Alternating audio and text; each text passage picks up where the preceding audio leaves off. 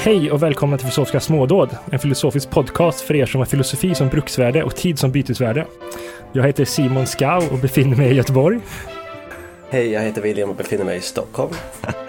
Jag blev så fascinerad av Simons nya introduktion så jag kom av mig. Men jag heter Kristoffer Sundberg och befinner mig i Surte, norr om Göteborg. Ja, och idag har vi läst Kapitalet av Karl Marx. Och eh, innan det, innan vi börjar prata om det så tror jag att eh, Simon har någonting som han vill prata om. Ja, precis. Vad bra. Det här är ju som sagt, eh, vi spelar in det här under jul, eh, julsäsongen. Så är lite, eh, ni kommer lite efter innan ni lyssnar här. Men eh, vi tänkte så här, det är jul och vi vill ha lite julkänsla, så vi tänkte att vi vill läsa någonting med rött och något med stort skägg. Så vi tog inte alls långsökt. inte alls långsökt. Nej, inte så. Nej, men jag har faktiskt julklappar till eh, er två som jag vill dela ut. Eh, och jag tänkte att ni ska öppna era julklappar och berätta vad ni har, vad ni fått. Okej, är det officiellt dags nu då? Det är officiellt dags att öppna julklappar. Jag har gått här och klämt på den här klappen nu i flera dagar ja. och försökt eh, Ska vi göra det samtidigt eller ska vi göra en för en? Ska Kristoffer börja eller ska... Ni kan, ja, Kristoffer kan börja. Okej. Okay. Det här är ljudet av mig som öppnar en klapp. det här är en julklapp såklart från hela familjen Skau, men eh, den är också eh, podcastinriktad. Nu skulle man kanske haft video. Det kanske inte blir... Jag kan ta bilder på den sen. Ja. Oh. ja, som sagt var, nu skulle man haft eh, bilder. Ja. Ehm, eh, det har kanske framkommit några avsnitt tidigare. Jag var inte säker om det har gjort det eller inte, men en av mina favoritfilosofer eh, heter Karl Popper. Och eh, han är mycket inne på det här med att, eh, att ha fel och att få ge kritik är någonting väldigt fint och att det är så vi utvecklas och sådär. Och eh, här har vi en t-shirt med min idol på, som säger If you are wrong, you are right. William? Ja, Tack så jättemycket Simon. Varsågod, varsågod. Okej, okay. och, och, under tiden Kristoffer pratade så öppnade jag min. Och, ja. är det tydligen väldigt lämpligt till um, idag tror jag. För att det är en röd t-shirt med en bild på Marx på där det står Material Man. Som sagt, ja, tanken var att jag skulle köpa en kassertröja till dig William, men eh, de var slut i alla Förstå, storlekar. Det... Faktiskt. Och det här, julklapp. Precis, det här är tanken. Jag köpte en tröja till mig själv med eh, David Hume där det står Rebel without a cause. Eh, och vi ska ju självklart ta bilder på oss med de här tröjorna på. Så vi lägger upp på hemsidan. Tanken var att ni skulle ha ett julskägg i också. Eh, men de var för dyra. Ah, okay. men som sagt, någon, vi får ta efter inspelningen får ni ta bild på er och lägga ah. upp. Okay. Med, med de här tröjorna på er. Ja, det är jättebra för uh, för ditt rykte att ha en stor röd markströja. Precis, att försöka ta distans att jag är marxist ibland. Sådär.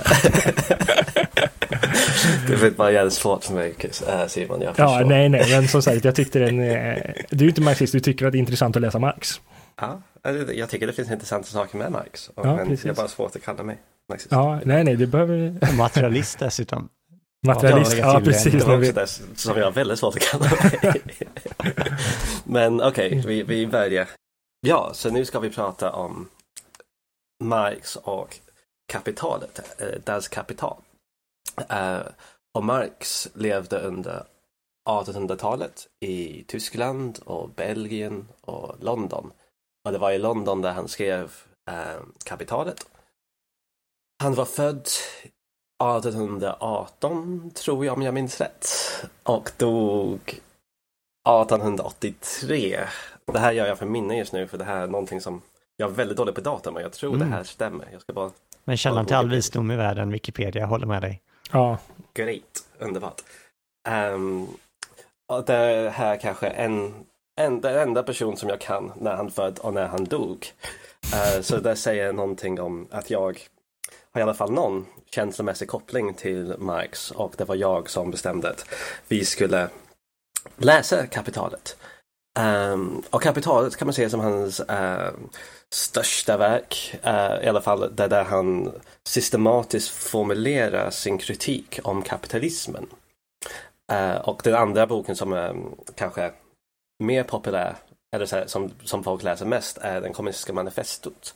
Som är med en, uh, en text där han skriver till arbetet, de kanske ska göra revolution någon gång, eller de borde förena sig, förena, förena sig och um, uh, ja, ska göra lite revolution mot kapitalisterna.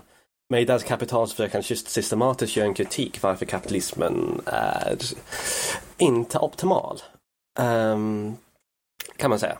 Eller kommer döda sig själv efter ett tag. Uh, och uh, ja, så han är doktorand i filosofi och sen började han jobba som journalist ett tag och sen uh, i Tyskland så tyckte de inte om när man hade vissa politiska uh, åsikter under den tiden så han uh, flyttade till Belgien där han skrev det kommunistiska manifestot och då hade han träffat Friedrich Engel som han var vän med som stödjer honom ekonomiskt ganska mycket under, sin, under sitt livstid och sen flyttade han till London. Um, var han inte i Frankrike ett tag också? Just det, han var i Frankrike ett tag, men jag vet inte om han bodde där. Han var bara så här under sommar, en sommar tror jag. Um, men sen, han spenderade ganska mycket tid i London uh, och skrev uh, Kapitalet under typ 20-30 års period. När han, man kan verkligen tänka sig en person som säger, oh, jag skriver mitt, st mitt större arbete just nu, jag skriver den. Och han hade så här, när jag läst biografi om Marx så verkar det som att han bara sa det hela tiden. Så här, Nej, jag jobbar på den här texten, jag jobbar på den här texten, det kommer snart. Han sa till uh, olika förlag, nej men det kommer vara färdig nu under sommaren. Och sen, det var aldrig färdigt egentligen. Um, det där kan man känna igen sig. vet, jag lyssnar på några podcasts kring uh, Marx. Den ryska föreläsaren är en extremt karismatisk person. Han sa att uh, Marx försökte hela tiden, gång på gång, göra sitt så här, stora verk men att det blev olika verk hela tiden, så han började hela tiden om. Så han gjorde väldigt många stora verk, men väldigt, väldigt få blev publicerade. Och, mm. Eh, och det här är då när hans, eh, man brukar dela upp Marx i tidiga, mellersta och sena Marx mellan. Och det här är det sena Marx, när Marx är mogen, när alla tankar har tänkts klart. Och om man läser eh, om kapital, eller eh, introt framförallt till eh, kapitalet som vi har här då, så är det är det framförallt första och en del av andra volymen som är riktigt så här, klara verk. De andra två volymerna, vad, vad jag förstår, är inte helt klara. Men de, ja, de var inte färdiga när han dog. Det var en, bland mm. Engel som um, gjorde klart dem, eller så här, samlade ja, från hans anteckningar. Uh, uh, och, men, så det var lite om Marxis materialistiskt liv, men vi kan också försöka lägga honom i någon så här, idé tidslinje också, eller var hans idéer kom ifrån. Marx i alla fall kom i en, filosofisk tradition som uh, man kan säga börja med, hoppas man får säga så här, börja med Kant. uh, som försökte förena det vi har pratat om i tidigare avsnitt om uh, både det här, så här empirismen och uh, rationalismen och då kom Kant med en stor verk och sen en reaktion till Kants verk var Hegel som sa att allt var idéer och allt har en historisk kontext eller allt är en historisk process. Så uh, det blir en, efter varje generation så idéerna ändras och uh, kontinuerligt förändras men är beroende på uh, det som kom innan. Och det är där som Marx kommer in. Uh, att det här historisk process var någon, av Hegel var någonting ganska nytt och han är väldigt, väldigt um, beroende av den eller inspirerad av den. Och återigen i en biografi jag läste om Marx, när han um, läste Hegel för första gången uh, när han var väldigt ung. Det verkar som han hade någon slags typ livskris och var på landet i en hel sommar, hade typ ångest. Eh, för, för, för, för, att när han, han tyckte det var så imponerande, eller jag vet inte vad han tänkte, men uh, det verkar som det påverkade honom jättestarkt när han först läste Hegel. Men mm. han tyckte inte om det här med idéer. Han tyckte, och det här kommer vi prata om lite senare, men han kallar sig för materialist. Och han tycker det är mycket viktigt att säga de saker i världen som berör oss är mycket viktigare än själva abstrakta idéer han var väldigt pragmatisk på det sättet. Att, det här, att han vill prata om bordet och uh, hur man förändrar ett bord för, till att göra något annat eller en sten som man förändras till verktyg. Han var väldigt materialistisk av sig. Alltså det där är väldigt intressant, för jag är, alltså man, man hör ju att han är materialisternas materialist och eh, jag har ju aldrig läst eh, Marx förut och när man läser det här så känns det, jag hade en helt annan, jag trodde han skulle vara mycket mer konkret än vad, även om han är extremt konkret så det vi kommer att prata om, han, det är ju extremt luddiga saker han pratar om. Eller inte extremt luddiga, men han försöker göra det konkret, men han också han pratar om de mystiska substanserna och han pratar om... eh, Ja, jag blev förvånad över vilken sorts filosof han var. Alltså, Mm. Jag är nog på ett sätt positivt överraskad. Jag tänker på, eh, jag hade den här bilden av, eh, som alla har, Marx som politisk tänkare. Och eh, när vi pratade förra gången om Barkley och eh, så pratade vi om det här med idealism kontra realism, och, eller materialism, på ett helt väldigt teoretiskt, filosofiskt, abstrakt plan, huruvida det finns en materiell värld där ute och sådär. Och både jag och Simon sa någonting i stil med att ja, men nästa gång när vi pratar om Marx då kommer vi lämna det här helt och hållet och prata om någonting annat. Och så flikar William in att nej, det där är inte säkert eh, att vi kommer göra. Vi kan nog komma in på det. Och när jag läste början här nu på Marx så blev jag väldigt förvånad. Eller jag såg verkligen vad William menar. Eh, Det Marx är gjorde inte jag, det här ska faktiskt Aha. bli intressant att se. Okej. Men det, det, där kan vi återgå till. Eh, och sen Ja. jag vill också höra vad ni tyckte spontant ehm, om Marx. Men eh, innan vi gör det så vill jag berätta om vad vi har läst idag och varför just vi valde den här biten. Ehm, så vi har läst första två delar på Kapitalet volym 1. Så, Alltså vi har ju de andra, har ju vi läst hela verk och vi säger att vi, och nu lägger vi upp det här och säger, ja men vi läser Marx kapitalet. Kapitalet är i slutändan fyra volymer sammanlagt 4500 sidor. Eh, vi läser 150 sidor början av del 1, eller början av volym 1, så att det är väldigt lite vi läser. Men, Men eh, ja, men- tillräckligt mycket kan jag säga. det finns en anledning Mm. varför jag ville att vi skulle välja just den här biten. Ja, precis. Eh, inte bara det var början som är väldigt logiskt att börja med. Eh, men det är den mest filosofiskt uh, tung delen av det. För de del som kommer senare är han pratar om rapporter från den brittiska parlamenten om hur lång nattbagare får jobba. Så det blir väldigt, väldigt mer konkret att snacka om rapporter och samla på evidens på de här teorier som man lägger fram. Eller det här, ehm, de här mekan- ehm, det här språket som han bygger upp i Mm. de första två, kanske första tre delar. Vi, vi eh, läste inte om ett begrepp som heter mervärde som är den mer politisk och vänsterladdad om Ja, det kommer in precis i slutet där på det stycket Jo. vi lärde. Han, han börjar med det men vi har inte gått in i Nej. det, så varför det. Nej, det är lite frustrerande så här. Man vill veta om hjälten vinner, lyckas han döda draken och få prinsessan. Man får liksom bara början så här. Man vet inte om den goda vinner i slutändan. Jo, men jag valde det så ni skulle kunna bli så här, slutet på en cliffhanger så kan Ja. vi fortsätta läsa den och få svaret sen. Och bli duktiga marxister sen i framtiden eller någonting. Eh, men så, så, så okej, för nu kan jag prata om min relation till Marx och sen kan jag, sen kan jag fråga er vad ni hade för förväntningar innan och sen efteråt. För det verkar som att ni båda har varit lite överraskade. Och Ja, jag, jag vet att det var lite motvilja vilja från er från början att ni skulle läsa det här. Så att, äh, I alla fall det var det jag kände. Men jag växte upp i en ganska marxistisk familj och ganska är ehm, jag behöver inte ha ordet ganska där, jag växte upp i en väldigt starkt marxistisk familj. Eh, så, så jag pratar om de här eh, begrepp lite grann, så jag var i alla fall medveten om de här begreppen ungefär vid 8-9 tiden, årsåldern. Eh, och jag försökte läsa kapitalet när jag var kanske 12 och sen 15. Och då, som många andra, tyckte de här, den här biten i början var så svårt. Och då, då, slut, då, då slutade jag läsa den och uh, tänkte nej, det är för svårt för mig. Uh, speciellt de här bitarna vi har läst nu. Um, och sen när jag var, sen gick jag inte tillbaka till den. Jag läste biografi och saker, texter runt om den. Men det var fram till jag var typ 22-23 där jag läste allting och då tyckte jag så här, shit, det här var inte det jag hade förväntat. Det var inte det som marxister pratar om så mycket. Nej, de, brukar, eh, de stannar i tidig Marx om kommunistiskt manifesto väldigt oftast. När man snackar om revolution, woo. Ehm, revolution, händer upp i taket, yeah! Medan jag tyckte om det här med historisk process som, är, som finns i kapitalet väldigt mycket. Uh, utveckla den bara att arbetarna ska ta över. Eh, är väldigt, väldigt bra. Mhm. Eller så det är väldigt inspirerande i alla fall. Ehm, så jag säger inte det är bra perfekta saker men då vill jag veta vad ni tänkte innan och efteråt.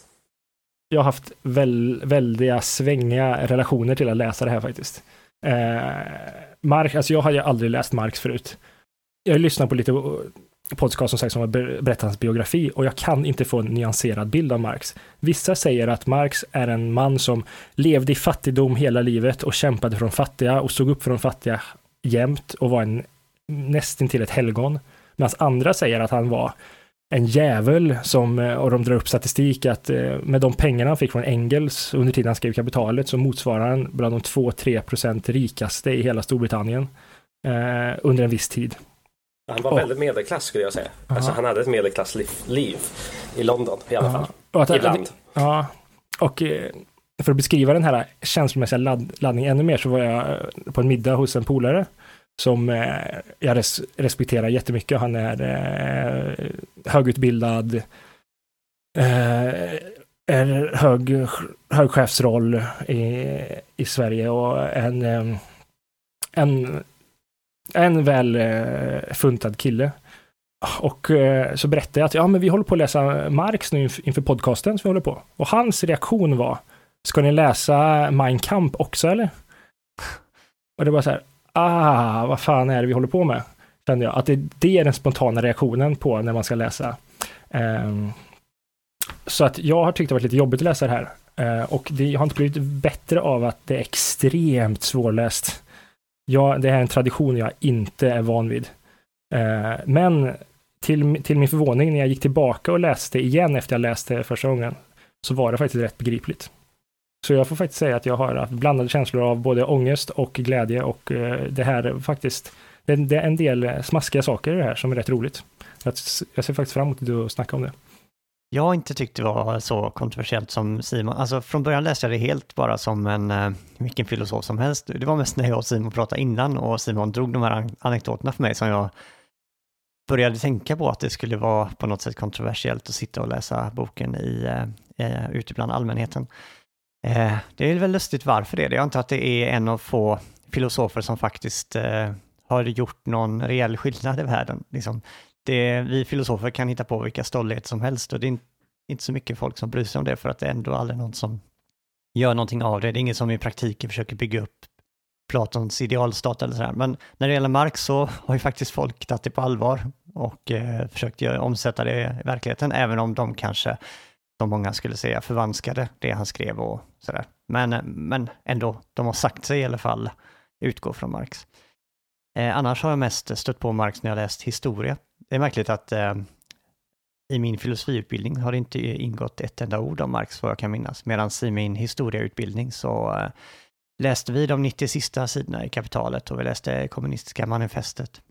När vi läste kommunistiska manifestet så blev jag på ett sätt väldigt besviken. Jag tyckte den var väldigt vackert skriven, men som intellektuellt eller som argumentation tyckte jag, jag kunde liksom inte se att det fanns argument i den överhuvudtaget, utan det var mer som en sorts profetia eller ja, något helt annat. Medan Marx i kapitalet är en, skulle jag säga, mer vetenskaplig, ja, en filosof helt enkelt. Som Simon var inne på så tyckte jag att det var ganska svårt från början. Och eh, det var svårt av ett skäl som, eller det var svårt på ett sätt som eh, Descartes och Barclay inte var svårt. Eh, här finns en jargong, ett sätt att skriva som känns mer främmande och äldre kanske än Barclay. Ja, verkligen och, äldre, det kändes verkligen. Descartes. Ja, jag tror att det är så här att alltså, den moderna filosofin har ju delats in i två läger mer eller mindre. Där en sorts filosofi som man kallar analytisk filosofi dominerar i England, Amerika och Sverige bland annat. Medan till exempel Tyskland och Frankrike kanske mer domineras av ett helt annat sätt att filosofera. Och eh, jag tror att det där alternativa sättet eh, utgår mer från Hegel, medan det som den skolan som vi kanske mer uppvuxna i utgår mer från eh, Hume, kanske Barclay. Eh, lite Eller Kant. Mm. Ja. Eh, vilket gör att det finns en del eh, begrepp här som Marx slänger sig med som jag tror att för den publiken han skrev var väldigt välbekanta. Uh, Medan för mig känns det lite som att man kommer in mitt i ett samtal mellan två stycken och man försöker lista ut vad är det de pratar om nu. Man, de använder lite intern jargong som man själv inte har. Så det var liksom en extra tröskel för mig att övervinna. Uh, så därför har jag en del frågetecken skrivna i boken där jag liksom uh, funderar vad sjutton han menar. Men... ja, det, vi har rätt många jag blev ändå positivt överraskad av den eh, Marx som man träffar på här i eh, början på kapitalet. Eh, han är en eh, annan sorts filosof än vad jag har eh, tidigare har eh, trott att han är. Han är mer en mer traditionell filosof än vad jag trodde. Alltså, han refererar till saker som vi har pratat om förut och alla de här stora, han nämner Kant, han nämner Locke Han är- mycket, han han, är- nämner Aristoteles, Aristoteles. jättemycket. Ja, han är vansinnigt påläst. Ja. Han, han, det, han, Vi ser han, Barkley, vi ser, ja. det, känns han, han, eh, han ehm, har jättemycket fotnoter där han eh, som refererar till massa olika personer. Det känns som han gör det lite i onödan ibland. Men han har ju folk från, eller så här, det är gamla grekiska poeter till medeltida munkar till eh, stora ekonomer på den tiden. Alltså han, han har ju verkligen läst allt, Mm. den här snubben. Eh, ja, och det, det är två lite kommentarer som jag vill angående vad ni har sagt nu. Eh, så det är ett citat från väldigt tidig Marx där han pratar om filosofi. Och tyvärr så kan jag det bara på engelska, för jag kan det utan till. men det är Thesis on Fauerbach där han pratar om en, en filosof mellan Hegel och Marx. Eh, men i alla fall, eh, jag tror det slutar på är ett citat som heter Philosophers have hitherto only interpreted the world in various ways. The point is to change it. Just det. Eh, och det, det, det går till vad Simon sa om att eh, det känns som någon gör saker med Marx istället. Att man skapar inte en, en eh, stat baserad på Platon eller Descartes. Man, folk har försökt utifrån Marx. Men eh, sen vill jag ta för, för att för, försöka ta bort den här laddningen som han har av all, all ond som, eh, som har gjort i Marxis namn. För det finns ganska mycket dumma saker som människor har gjort i, eh, marxistiskt, i namnen marxismen. Och i 1871 så var det en liten revolution i Paris under tiden Marx levde. Och det var några marxister där som var med i, eh, man kan säga regeringen. Och Marx till och med skrev en bok om det. Eh, men ehm, en sak han sa om det var så här, om de kallar sig för marxister, då är jag inte marxist. Eh, Mm. så, det, så det finns eh, en distans mellan Marx som filosof och Ja. marxismen som ideologi. Och jag tycker det är väldigt viktigt att vi påpekar det och det som jag tycker vi gör nu är väldigt bra att vi försöker gå tillbaka till Marx som, ehm, som filosof. Ja. För, och, och, och, så, så, en sista punkt på det här för att jag var på en, en eh, som var väldigt inspirerande förresten. Jag var på en konferens, en Marx-konferens här i Stockholm för ungefär två månader sedan. Och det var väldigt spännande för att det var över tusen människor tror jag som, som deltog i en två dagars konferens om Marx. Så det var så här, wow, det finns människor som bryr sig om det här. Eh, men några av de talarna, alltså typ välkända marxister från Kanada och Frankrike och så vidare, um, behandlar honom som ofallbar. Ja. Ja. Eh, och säger det här är vetenskap. Och alltså, jag har väldigt svårt att kalla det här för vetenskap. För det är Ja. inte empiri. Det Nej. är en tolkning på statistik och så vidare. Och om vi behandlar honom som filosof då kan han bli, då kan han ha fel igen. Men vi Mm. kan inspireras av honom. Och det är precis så man borde använda bra intellektuella verk enligt mig. ja. Mm. I historia så används eh, Marx ganska flitigt, Marx och Engels. Eh, Men också för att avdramatisera lite. Där används, eh, där tycker man sig i deras skrifter hitta en sorts eh, metod för att analysera historia.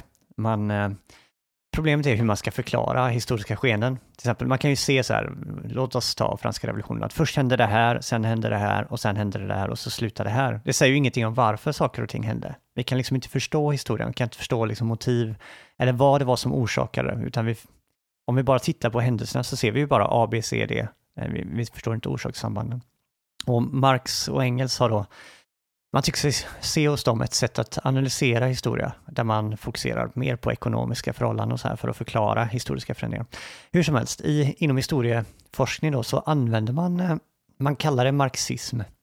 Ibland kallar man det också historiematerialism bara för att göra det mindre politiskt laddat, men som en en sorts vetenskaplig metod. Och det har sagt mig att den här är helt politiskt oladdad så att folk som även är liksom, politiskt åt höger kan vara historiematerialister eller marxister i den här bemärkelsen. Så att eh, det behöver inte alls vara laddat med de politiska grejerna. Men vi läste också några andra citat bara för att problematisera det här med marxism. För vi, man blir undervisad en en sak, att marxism är det här och det här. Och så tog de med några citat från Marx där han skriver liksom i tidningar och sådär, där han skriver saker som verkar vara helt emot det här.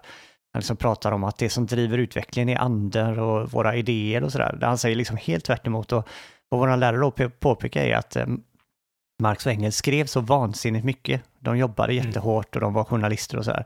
Och hade kanske inte alltid tid att eh, välja eller att eh, väga formuleringar på det sättet som eftervärlden, de här hardcore marxisterna, de läser varenda ord de har skrivit och läser in, försöker liksom läsa in jättedjupa insikter. Och ibland kanske inte var så djupa insikter, utan det kanske handlade om två journalister som var väldigt stressade och hade deadline och att de valde just det ordet den gången kanske inte behöver vägas på guldskål så att säga.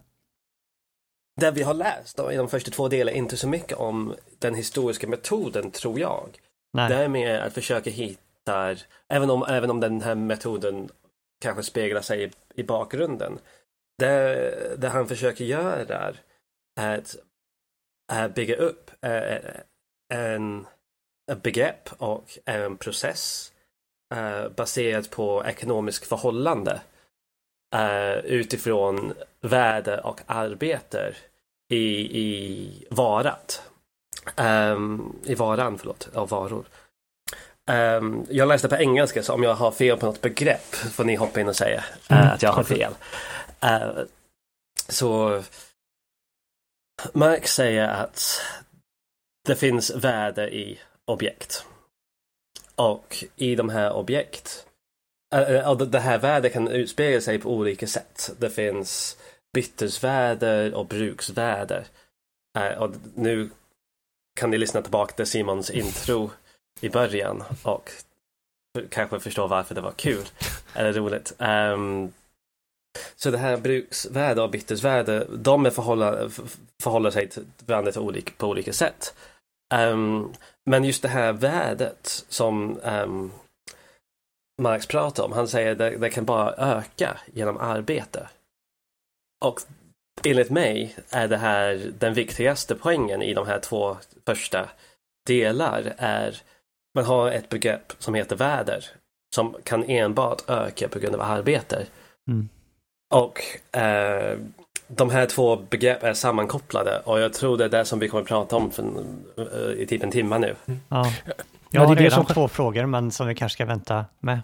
Eller... Men vi, vi, kan börja med det här kort introduktion för, för vad vi ska prata om för jag tycker det är ja. så enkelt så alla kan förstå som lyssnar att det är arbete och värde. Värde ökas enbart på grund av arbete. Ja, alltså hans fråga är ju på något sätt, alltså vad är värde? Han frågar alltså vad är alltså värde i både att saker ting har värde för oss och ting får värde i, i eh, handel. Eller i mycket primitivare former av handel, även i bytesvärden så att säga. Mm. Och det är väl det typ av värde och så han analyserar det här. Han, han anser att det måste ha någonting gemensamt. Det måste betyda någonting. Eller de måste ha något. Och han försöker komma igen, förstå vad det här är och det han kommer fram till i slutändan är att det är arbete som de har. Uh, det är ju och, lite mystiskt egentligen. Om man tar döda ting som en jag tar den här stenbumlingen. Det är inte så att den i sig själv, alltså det är inte självklart hur den har den här mystiska egenskapen värde. Vad, jag menar, den består av vissa atomer, den har lite olika egenskaper, men vart kommer värdet in? Det är väl det Marx lite försöker redogöra för här, hur, hur världen, delar av världen helt plötsligt ges ett värde, eller får ett värde. Ja, precis.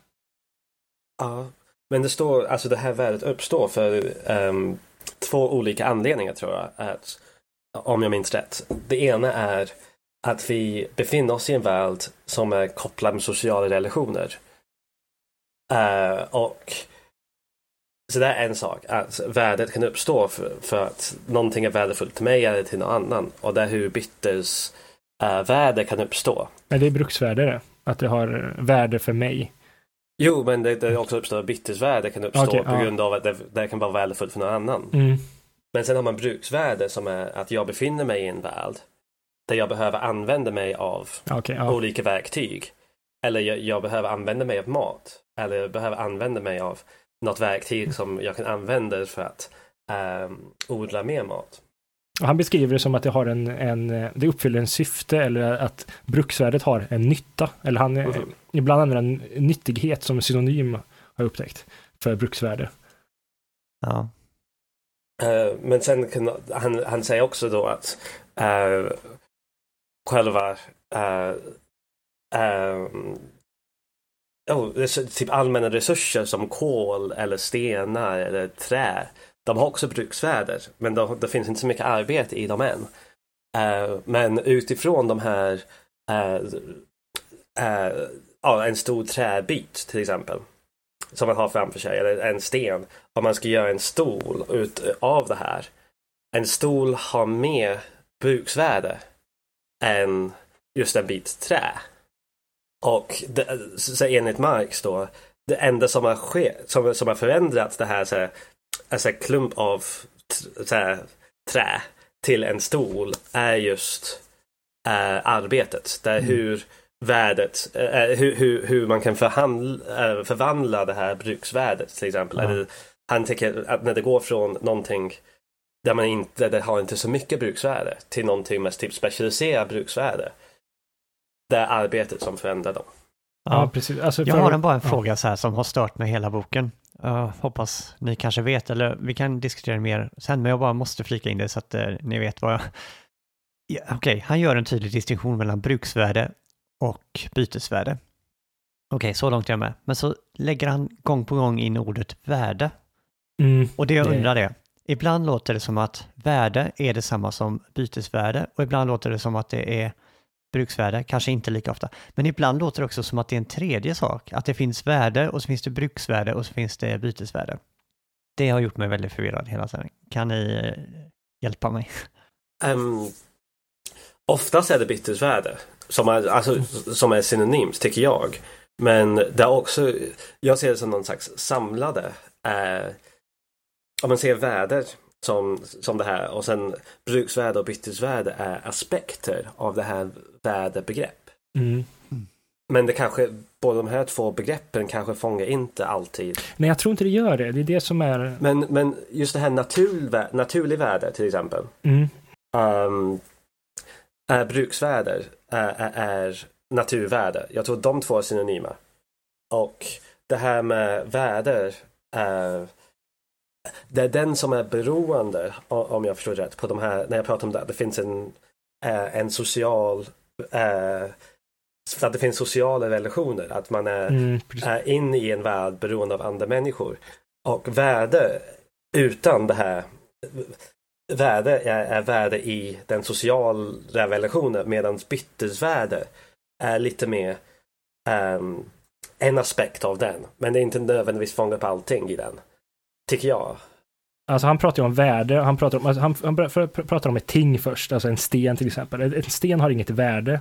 När den väl blir en vara, som är ett, ett, ett socialt fenomen eller ett, ett, socialt objekt, då har den ett värde. Alltså varor har värde, ting har inget värde om jag fattar det rätt.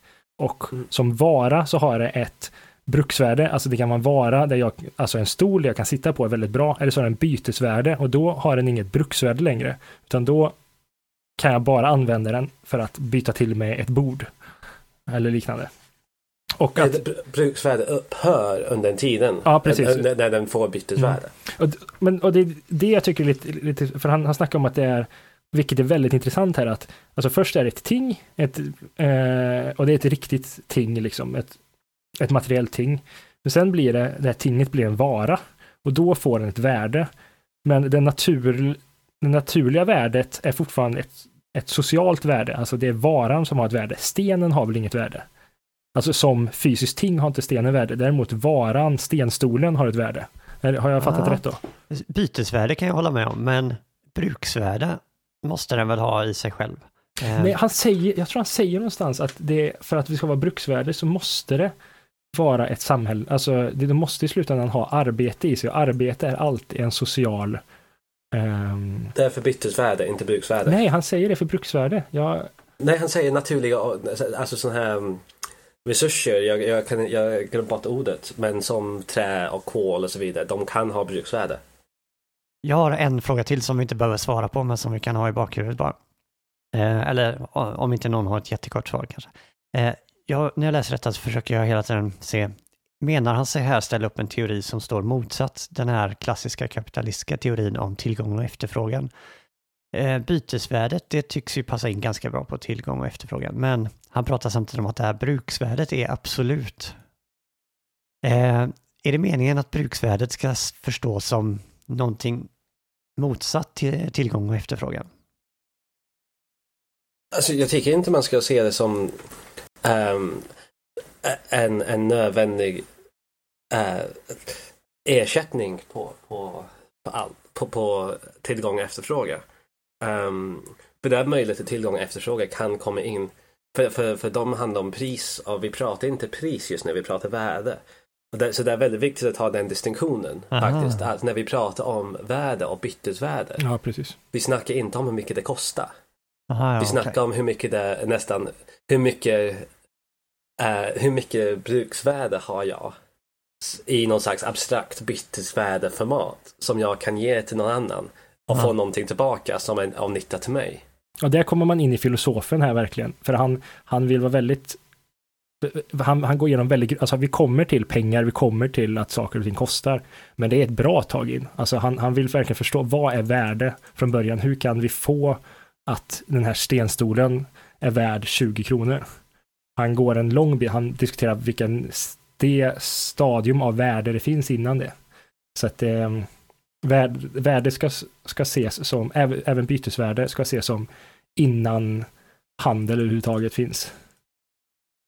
Ja, eller så man, man kan definitivt säga så, så, så ehm, eh, jag vill återgå och korrigera mig själv för, för någonting jag sa förut förresten. Ehm, jag tycker man ska definitivt se det här värde som enbart bytesvärde. Mm. Eh, definitivt inte ha bruksvärde när man pratar om värde på det här sättet. Ja. Alltså det där vi gör det nu. Alltså, värde är i sin bytesformat. Och när man gör det här bytesformat eh, då hur, hur användbart det här varan är till mig upphör.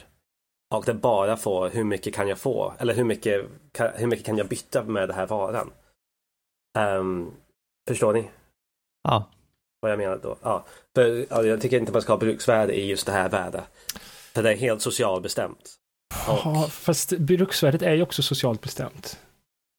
Mm, lite, nej, han skulle, jag tror han skulle säga att eh, en stor, eh, en stor bruksvärde är, är oavsett de sociala men- relationer som finns. Jag tolkar det så här att alltså, han säger någonstans att alltså, bruksvärdet är, eh, eh, har ett värde utefter det abstrakta mänskliga arbetet som materialiserats där i. ja, fast det måste vara nyttigt eh, arbete.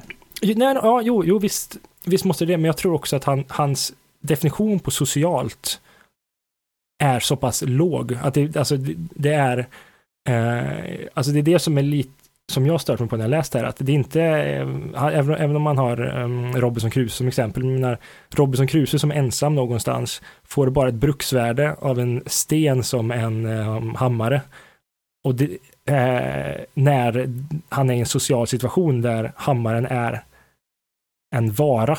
Alltså ett, en, en sten kan inte vara en hammare utan att ha blivit socialt förkroppsligad. Håller inte Mm. med om det? Att, att när den får, när den blir en vara, någonting han kan använda, så har det en social dimension i sig, även om man är den enda människan i världen eller på ön så att säga. Jag är inte säker Okej. åt vilket håll eh, det går, men det, det är ju någonting där med att eh, när han ska förtydliga vad det betyder med arbete, att det är någonting som samhället måste behöva. Och att det i den mån är socialt, att det måste vara samhällsnyttigt arbete. Ja, men Mm. även samhällsnyttigt för sig Ja, nej. Ja, men Ja, det du sa förut Simon i alla fall, att vi, vi pratar på en väldigt abstrakt nivå eh, Mhm. egentligen av ehm, vad, vad är det som egentligen sker när jag köper någonting. Oavsett pris, det finns någonting som jag får i någon, i någon vara. Och eh, ja. Och det finns, jag tror det finns tillräckligt ganska många tolkningar på hur det här ska gå ihop. I, i, under de senaste 100 ja, 70 år sedan det här skrevs ungefär. Ehm, det finns tillräckligt mycket alltså, fri tolkningar, eller inte fri tolkningar men det finns ganska många olika tolkningar på vad är beroende på vad tror jag.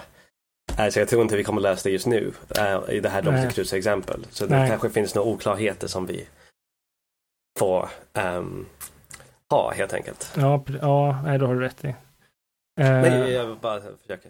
Ja, För men- vi skulle kunna fastna på det här ganska länge. jag funderar på eh, om man ska, jag vet inte om det blir onödigt, men att lägga in kort beskrivning om Hegels eh, herre-slav-dialektik och hur slaven får eh, prin, inprinta sig själv i materian. För jag tycker jag läser in det här väldigt mycket. Ja, just det. Är det värt att ta upp för att liksom, för jag tycker att det är det sättet han pratar om hur att arbetet kristalliserar sig i varan hela tiden.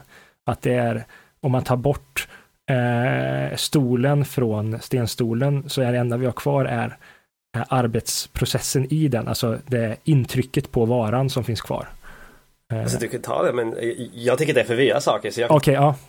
Men för att, alltså jag vill bara summera lite vart vi är och kanske dra oss framåt lite i det här. Alltså, han börjar väldigt tidigt och etablerar väldigt många begrepp. Och det han gör, han säger som sagt att vi har ett ting och det tinget blir en vara i slutändan och då har det ett värde, ett bruksvärde och bytesvärde. Bruksvärdet, han gör en väldigt intressant skillnad här. Han säger att ett bruksvärde har ett värde för mig som användare, vilket innebär att det har ett kvalitativt värde. Det har en, eh, den här stolen har en kvalitativt värde för mig. Det kan inte jämföras med det kvalitativa värdet som en annan stol har för dig. Däremot bytesvärde, det har inget kvalitativt, alltså så bruksvärden, två stolar kan inte jämföras med varandra. Eftersom man kan bara definiera dem i, typ, i termer av kvalitativt värde. Men bytesvärde däremot har, eh, eftersom min stol kan bytas mot en, en tröja ull, men en tröja ull kan bytas emot eh, en eh, vattenflaska, så verkar de ju vara utbytbara mot varandra. Och det här utbytbarheten gör att de har, vilket innebär att någonstans verkar det finnas ett kvantitativt värde som de kan jämföras med. Så bruksvärde har bara ett kvalitativt värde eh, och kan jämföras med sina kvalitativa egenskaper, kan inte jämföras på grund av de har kvalitativa egenskaper, men bytesvärde har bara kvantitativa egenskaper, vilket gör att vad är, det här kvant, vad, är, vad är den här kvantiteten för något, det här värdet? Vad är det för någonting? Och det är det han försöker förstå i mångt och mycket det vi läser. Mm. Att det är det här värd, vad, är det vad är värdet som har olika kvantiteter? Det är det vi ska försöka förstå. Det är just arbete som är svaret. Precis. Jag tyckte han eh, hade ett väldigt bra motargument mot sig själv här och sen som han bemöter, men det var en sån naturlig reaktion. Okej, vi säger att så mycket arbete som det krävs för att producera den här grejen, så mycket blir dess värde. Genom mer arbete så får den mer bytesvärde, antar jag att det är Ja. Okej, men vad tusan, en latmask eller en, någon som är väldigt inkompetent kommer ju behöva mycket mer arbete för att göra samma sak som den som är väldigt begåvad och effektiv. Det måste betyda att hans produkt, eller hennes produkt, är mer värd. Eller hur? Jag menar, det har ju gått in mer arbete i den där grejen. Och det låter ju väldigt dumt. mm. Eh, och Marx förutser ju den här invändningen och hans svar då är att, eh, som jag förstår det, att det är samhällets sammanlagda arbetskraft som räknas, inte individen. Eh, Precis. Och snittet på det sen. Ja, men det här är också en fundering. Vilket samhälle? Hur stor är enheten? Är det nationen eller alla människor eller alltså hur? Ja, Jag tror det är ehm, Svensson, den eh, abstrakta Svensson han pratar om bara.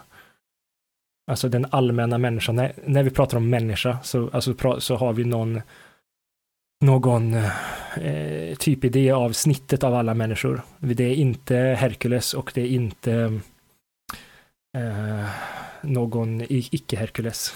Jo, men om man ska applicera det till exempel, om- om det finns som det var i när man skrev det här, några länder som är som har väldigt mycket industri och andra länder som har inget industri.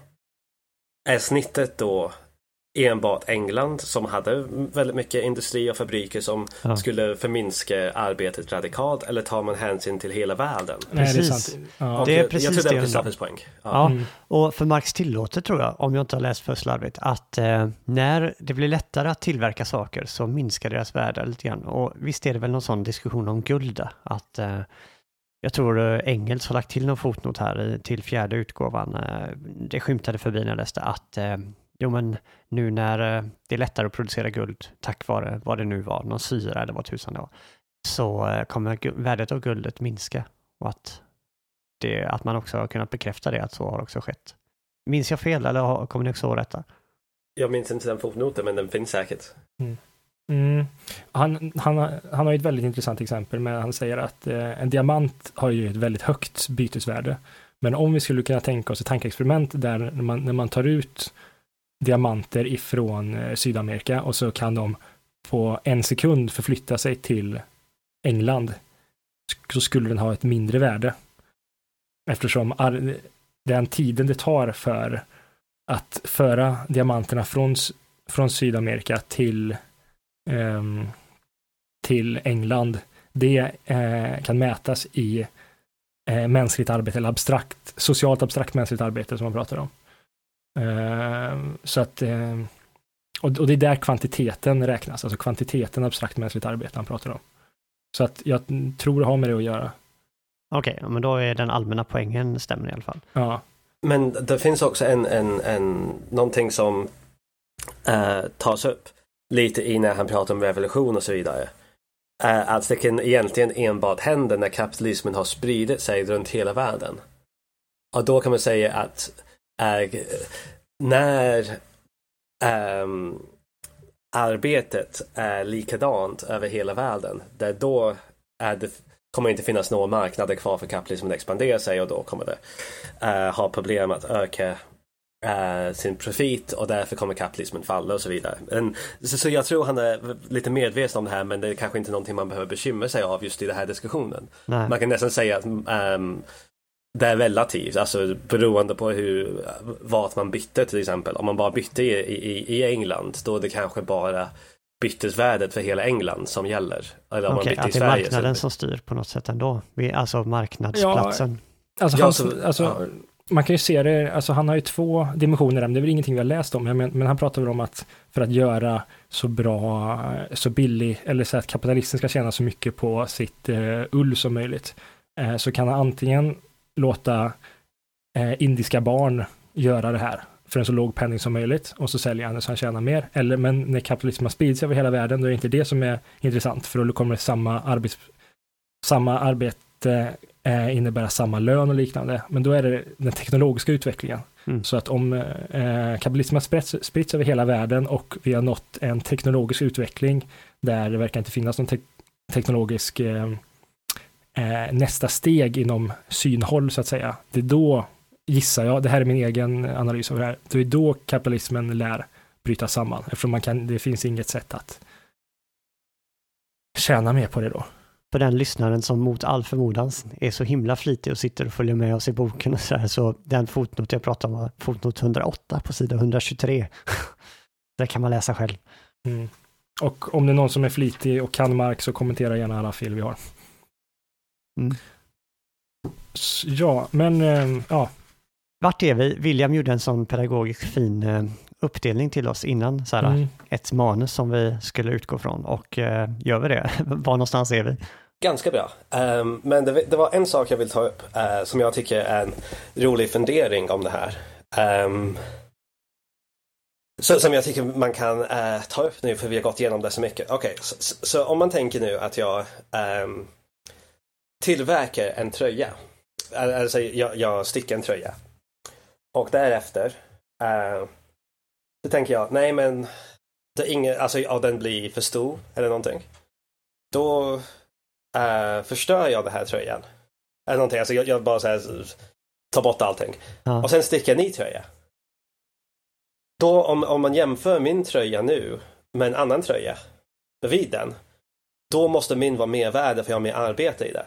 Och jag tycker återvinning då blir ett problem för Marx i allmänt för att mm. eh, om man ska återvinna någonting då måste man lägga dubbelt så mycket arbete i den. Så allting som återvinnas måste ha mer eh, bytesvärde än, än det som inte är återvinnat. Oj, nu ska vi se, vänta här nu, hur går det till? Eh, Okej, okay, först gör vi en grej och det tar en massa arbete och sen så ja.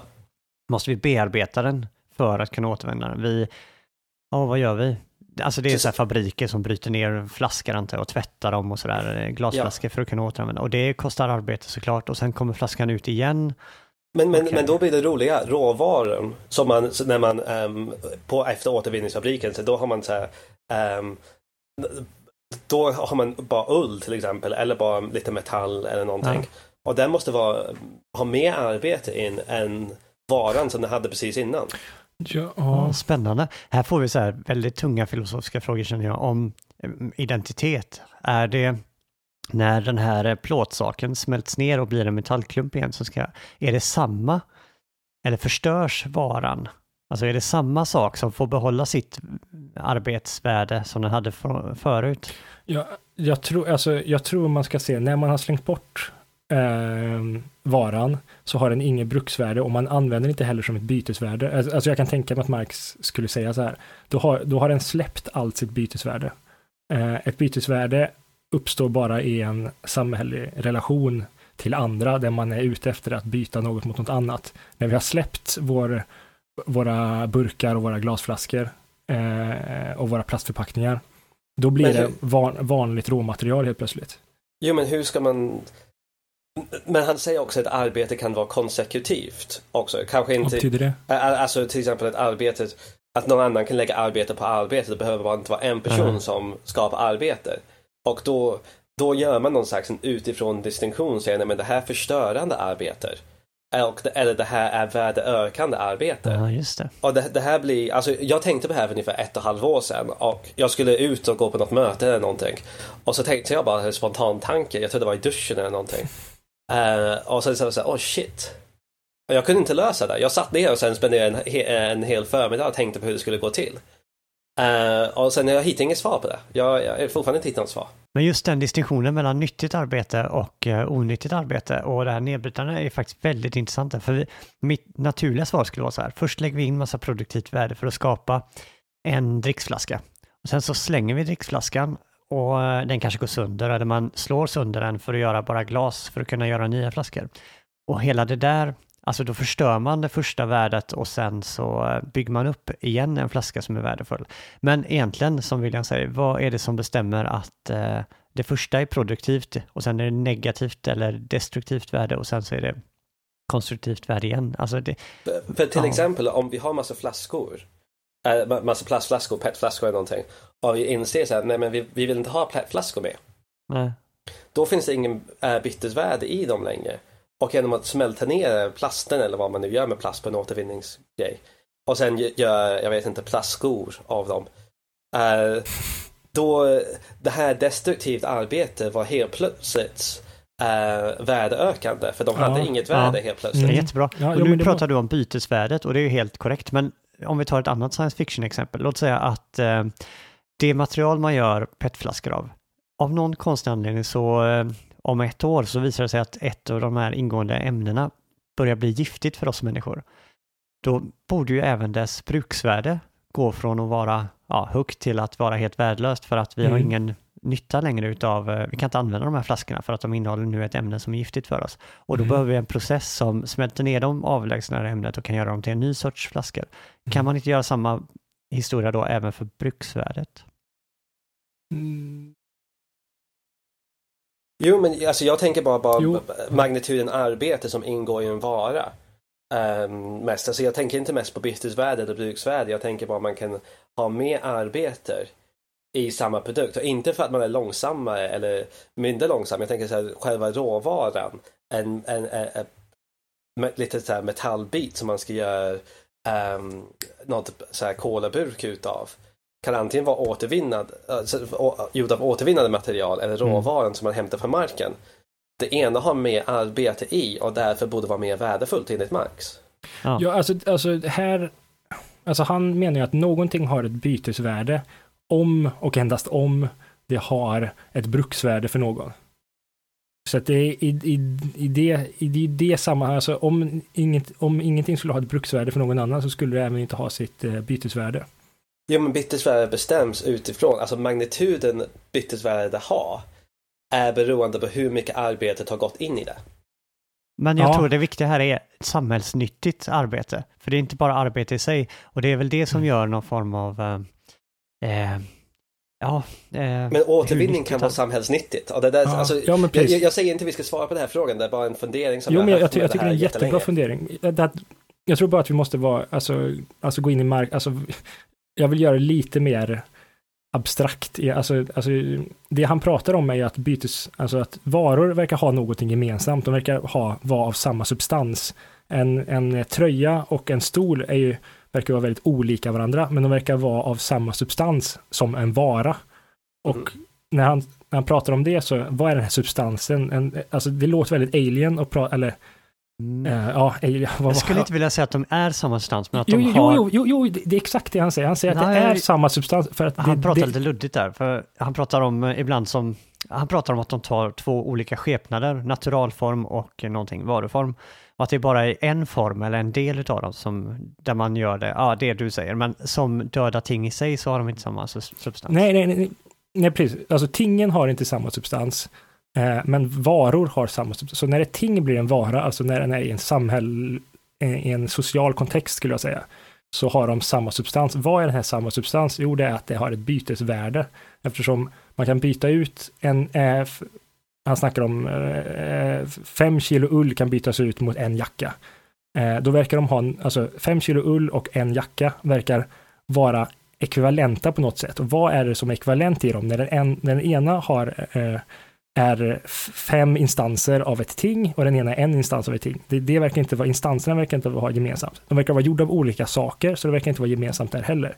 Så det de har gemensamt, där eh, på grund av att de kan, på grund av, han säger, det här är något vi kan faktiskt ifrågasätta, men på grund av att de kan och att de byts och att de är ekvivalenta med varandra så måste de vara av samma sak på något sätt. Och det han säger då, substansen, alltså substans låter ju väldigt filosofiskt alien, men substans är ju bara ett annat ord för är, eller varat.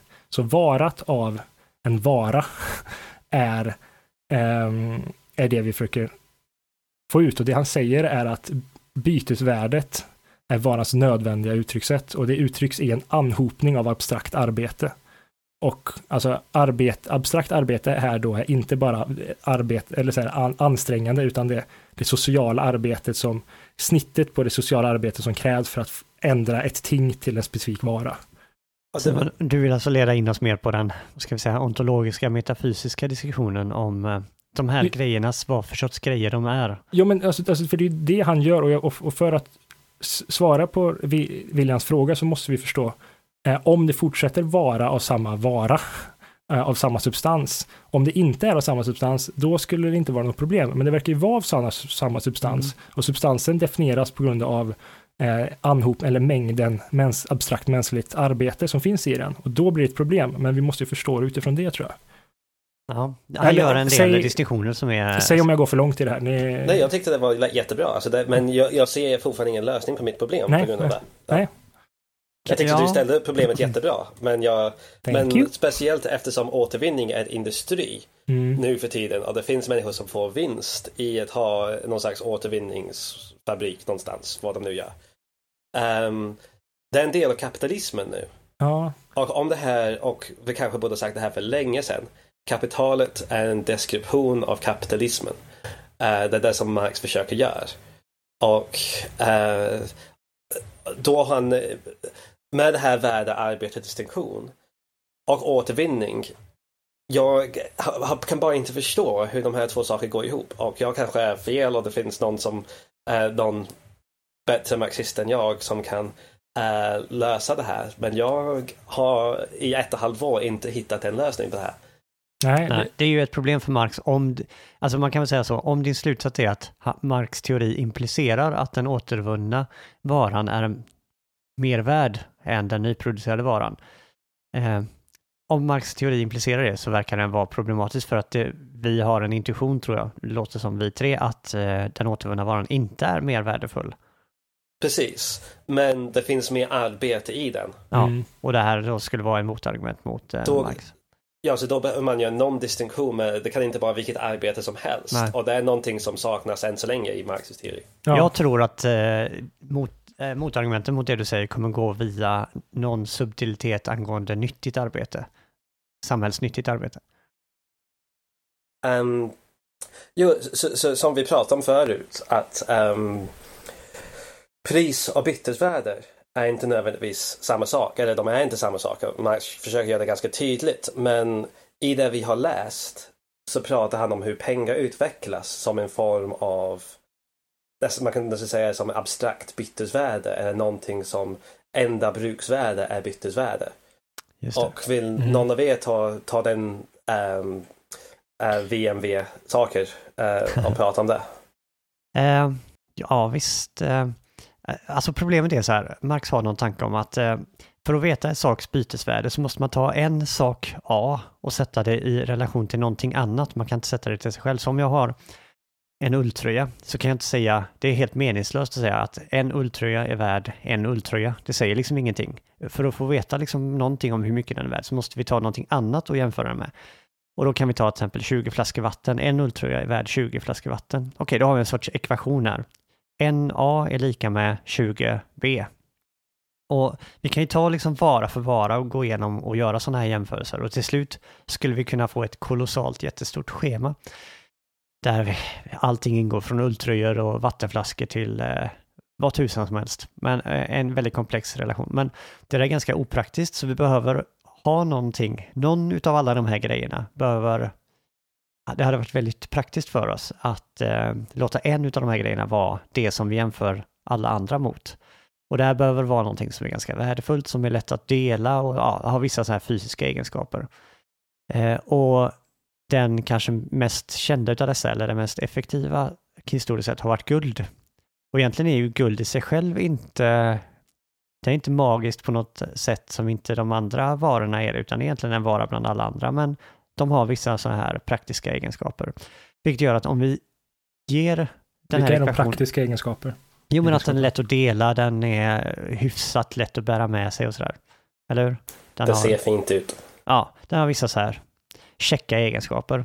Som, ja. Men, men den måste ju ha ett, ett visst, alltså, måste väl ha ett visst bruksvärde. Just för att det, och det vara- har den ju i och med att den, eh, det är arbetsamt att få fram den. Mm. Hade vi kunnat trolla fram guld ur tomma luften så hade det inte funkat, utan det krävs arbete för att hämta fram det här guldet ur eh, jorden och sådär, och det är väldigt ovanligt och så. Så det är det som ger det dess ursprungliga värde. Så det man kan säga är att eh, istället för att gå runt med 20 flaskor vatten Ja. när vi vill ha en tröja, så, Precis. så- har vi istället ett mynt av guld eftersom det är Exakt. lika mycket värd, men eh, praktiskt nog så råkar dess bytesvärde vara, eh, vara samma och det är så litet. Mm. Så vi kan bära med det. Och och det har sitt eh, stora, alltså den är värd så pass mycket eh, på grund av dess, den mycket arbeten som krävs för att få fram det. Mm. Ja, okej. Hade guld legat och skräpat på gatan överallt så hade det inte krävt mycket arbete alls. Det hade bara varit att böja sig ner och plocka upp det och det hade inte alls varit så värdefullt. Och i den här historiska processen som vi har pratat om, det här eh, som anses som, som guld eller som det här vara som man kan använda som bytesvärde som, eh, för, för att jämföra andra produkter med, ändras i tid också. Så eh, han, Marx pratar om till exempel att det heter pund på engelska. För att det var en pund, det heter pund på svenska för en vikt. Ja, det är det. Ingen aning. Jo, det är det. en viktmassa, alltså en gammal viktmassa, pund. Ehm, och det var av silver. Men nu har det bytts ut. Silver, eh, I alla fall i Marx tid har silvern bytts ut till guld.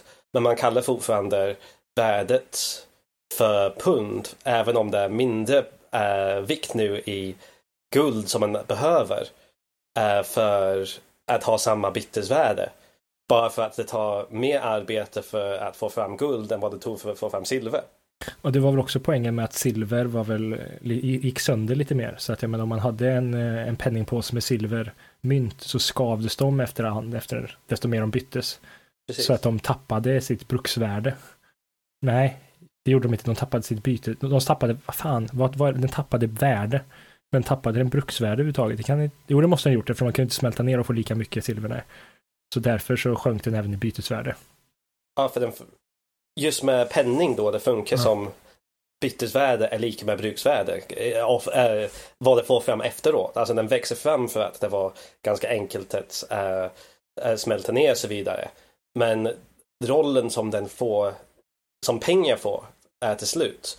Och speciellt som man kan säga eh, abstrakt pengar som vi har idag. Det enda eh, bruksvärde pengar har är sitt bytesvärde. Mm. Precis. Så att en vara övergår till att bli allmänt accepterad som eh, det är det här vi byter mot och alla andra går med på att ja visst, eh, ja det fungerar som ett allmänt bytesvärde och då har en vara tagit klivet från allmän bytesvärdevara till penningform som man kallar det. Det blir en peng. En peng. Men hela dess eh, värde ligger från början, alltså det grundas i det här att egentligen var det en vara från början. Det är, Mm. inte, det är inte något annat, utan det grundas ut i den här eh, ekvivalens, att en vara kan bytas mot annan baserat på dess bruksvärde som bestäms av arbetet. Så pengar är ingenting så här magiskt som växer fram. Det är någonting som är rent av sociala och ekologiska anledningar växt fram som an- någonting eh, för att byta varor med helt Fast, enkelt. fast, här är någonting som jag tänkt, tänkt lite på. Alltså det, det känns som att guld och kanske till viss silver kan enbart bli, fått den här statusen i en top-down eh, situation. Jag menar bön, bönderna eh, som åker till marknaden och ska byta ut lite grejer och få lite att handla med. För de har ju inte guld något bruksvärde överhuvudtaget i början, alltså innan det har fått sin penningstatus. Eh, Då är det ju så att, alltså det finns ju ingen anledning, alltså anledningen varför du byter en ko mot fem guldpengar är ju bara för att du kan byta fem guldpengar mot tio flaskor vatten. Mm. Men det Men- tror jag Marx är med på och pratar om. Jo, jo, jo. Det börjar med byteshandel såklart, men sen det, det går ut på att eh, till exempel om jag vill köpa en ulltröja och jag har bara eh, lite kött med mig. Uh, penning växer fram enbart för att jag behöver inte hitta någon med en ulltröja för att byta min kött med. Just. Nej, det är sant. Men, men, men jag menar, det, har, det är bara en top-down. Alltså, eller menar han att det är naturligt att det blir något så litet Mm. som kommer... Så förstår jag det som. för Ja, jag det är en naturligt emergent process tycker jag. Ja, alltså jag tycker att det är väldigt konstigt att just guld, alltså en anledning är för att det är litet, men det har ju ingen praktisk nytta. Alltså till exempel om du går, och, du går fem mil med dina grejer för att handla på marknaden som är varannan onsdag. Eh, så att du ska få dina grejer för två veckor. Eh, om du råkar, och så kommer du lite sent och hinner byta en grej så har du bara kvar dina guldpengar. Då, har du, du, du kan inte göra någonting med dem de närmaste två veckorna. Det känns väldigt onaturligt. Nu, nu verkar det vara att det har blivit guld, så att det är inte onaturligt på det sättet, men teoretiskt känns det väldigt konstigt att det blev guld. Det skulle vara bättre om det var, jag vet inte, bröd, eller bröd kanske blir, Ja, förstår men det är problemet. Du får ha, släppa med dig sådana kolossala mängder bröd för att ha samma förmögenhet i fickan. Så eh, det är nog det som man ska se som eh, det som gjorde det, urvalsprocessen. Det är någon sorts evolutionsteori här att vissa egenskaper gör vissa varor lämpade att överleva. Liksom, ja, de blir en sorts naturlig selektion eller så. Och just för att ehm, och, och det känns som gulds främsta och silvers egenskap var att det var, inte så mycket av det. Så man skulle inte göra det med gräs liksom. Alltså gräs skulle inte vara penning för att det finns ganska mycket gräs eh, i världen. Det skulle kunna vara diamant, men där kanske det finns för lite utav diamanterna. Ja, precis. Och dessutom är det Eh. svår att dela, kom jag på. Just Ja. För det säger ju Marx, det är också en jätteviktig sak att man ska kunna dela upp den för att annars hade man ju behövt, om man har en guldtacka bara, den är ju värd kolossala mängder. Det blir inte heller så praktiskt, liksom att eh, då måste du göra sådana jättestora transaktioner varje gång. ja, det är sant. Mhm. Mm. Okej, Och, sen i, och sen kan man se, men det som är intressant att nu, speciellt efter 1950-talet, så slutar vi använda eh, guld som någon slags så standardmått för hur mycket pengar ett land har. Mm. Man gick till någon slags abstrakt mängd istället. Det där tycker jag är väldigt intressant. Jag skrev upp flera exempel i boken, jag är för dåligt påläst. Men hur hanterar Marx teori det? Men alltså det fanns inte under den tiden. Eh, Nej, men, så, Nej men eh, jag menar, eh, skulle man kunna vara rätt trogen marxist även efter den övergången? Eller anser för- man bara att Marx hade fel? Nej, för till exempel, alltså, om jag säljer ett objekt. ehm, så, så om jag För just nu är jag inte 100% säker, för det här kunde jag en gång i tiden. Men eh, jag tror hur mycket en valuta är värd är förhållande till hur mycket transaktioner som finns inom det här landet. Hmm. Eller i det abstrakta, alltså det finns något sånt som är, alltså, ja. Ehm, och man gör det i förhållande till andra valutor och så vidare. Hur mycket någonting är värd. Och ehm, så då kan man säga i alla fall att till exempel om jag säljer min, min ulltröja eller min, min, min två kilo kött för ehm, eh, 200 kronor till exempel. Nu är det inget objekt som har haft arbete som har gått in i de här pengarna längre. I, i det här vara som jag har. Men det som är någon slags potentiell köpkraft av det arbetet som jag har sålt i, min, i mitt kött eller vad jag nu sålde som jag kan sen köpa någonting med. Alltså jag tycker det blir bara en, en, en distinktion mellan typ potentiell köpkraft och aktuell köpkraft som man måste ha när man har guld närvarande hela tiden. Mm. Alltså, jag skulle säga att övergången till guld och övergången från guld till abstrakta pengar, det är så här leap of faith, det är ju liksom ett evolutionärt hopp båda två. Jag har svårt, jag kan inte se den Ja, det är vissa som säger att det var ganska dåligt beslut att, att ekonomi gjorde så. Ja, alltså det, det måste vara top-down top hopp helt enkelt. Vad menar du med top-down? Att det kan inte vara massan som har kommit, att, att det har naturligt bytt, eh, utvecklats till det här. Det måste vara någon som har bestämt det här och tar ner, istället för bottom-up process så är det en top-down process. Mm. Att det är ett beslut uppifrån och neråt för att lösa ett problem istället för att ner, nerifrån och upp, att det här behövde lösa ett problem och så går det uppåt. Och så jag är inte säker på att jag håller med. Jag, jag tror att Nozick, för att hoppa till andra sidan av den politiska skalan, eh, har just det här exemplet på hur pengar kan växa fram utan att någon behöver ta ett eh, medvetet beslut ovanifrån. Vi snackar om det, jag håller inte med. Jag, Nos, Nozick förresten är en modern filosof på 1900-talet som eh, skrev om, om politisk filosofi. Det är lustigt för att han är ju ofta så definierad som en sorts jättemotsats till Marx, men just den här frågan om historiska utvecklingar och så där tycker jag att man kan kalla honom marxist, alltså i den här mer historieteorin i den bemärkelsen. Eh, jag tycker de eh, är ganska lika varandra i just det här avsnittet, även om de kanske är varandras motsatser i andra frågor. Mm. Ja, men jag ska släppa det. Så, vart är vi? Jo, men i alla fall när någonting har blivit pengar, så då inför Marx en sorts, eh, jag vet inte vad vi ska kalla det, en process eller en ekvation. Nej, en process ska vi nog säga. Som han... Historisk den... process också. Ja, just det. Men nu det tänker jag på mer än så här, den snabba bytesprocessen, nämligen hur värde byter skepnad. Och I den svenska översättningen så kallar han det värde, pengar, nej, vara, pengar, vara och förkortar det VPV. Och eh, vad, vad, som händer då är att, okej, okay, Simon är, är, som vi alla vet fåraherde och bonde och eh, han tar med sig sin ull till marknaden. Då har han ull som är vara, alltså värdet har en form, varuform, nämligen V. Han tar med sig det till marknaden där han träffar på den eh, eh, ullälskande kapitalisten William eh, som säger ja men för tusan. Fast äh, strunt i det där med kapitalist, det blir inte bra. Han, William älskar ull bara helt enkelt. Han vill göra en ulltröja. Yes. Eh, William ger Simon pengar, P, pengar. Okej, okay, så värdet har nu gått från att vara ull, en vara, till att bli P, pengar, som Simon nu har i sin ficka istället. Simon går iväg till Kristoffer, den snikne mm, brödhandlaren, och eh, köper till sig bröd av Kristoffer. Så att man ger de här värdet i form av pengar till Kristoffer som ger Simon brödet, alltså en vara 2. Vi kan kalla det V2 om vi vill. Så Simon har alltså gått från att ha V1 till att få P till att få V2 och Simon är hungrig så Simon konsumerar bruksvärdet, alltså varan, brödet och då försvinner varan ur världen kan man säga. Där han konsumerar värdet. Och det är den vanliga processen i vanlig byteshandel. Inte kapitalistisk, det är, ett det är en senare, men är den traditionella bytet ser ut så. Är det feudalistisk eller vad man kallar det? Eh, nej, ja. det är nog bara bytes, mm -hmm. eller? Jo, eller ja, förlåt, jag hade fel med begrepp där, men ja, det, ja. Så vad då? Jag som är oanbildad här, vilket är det bara vanlig klassisk byteshandel, ingen ja. ekonomisk systemshandel? Nej, det är vanlig handel bara med varor. Okay. Vad Marx då eh, kommer fram till här då är att i den här formen så eh, händer inte så himla mycket egentligen. Vi har ett värde och det förvandlas till pengar och sen så förvandlas tillbaka till samma värde igen.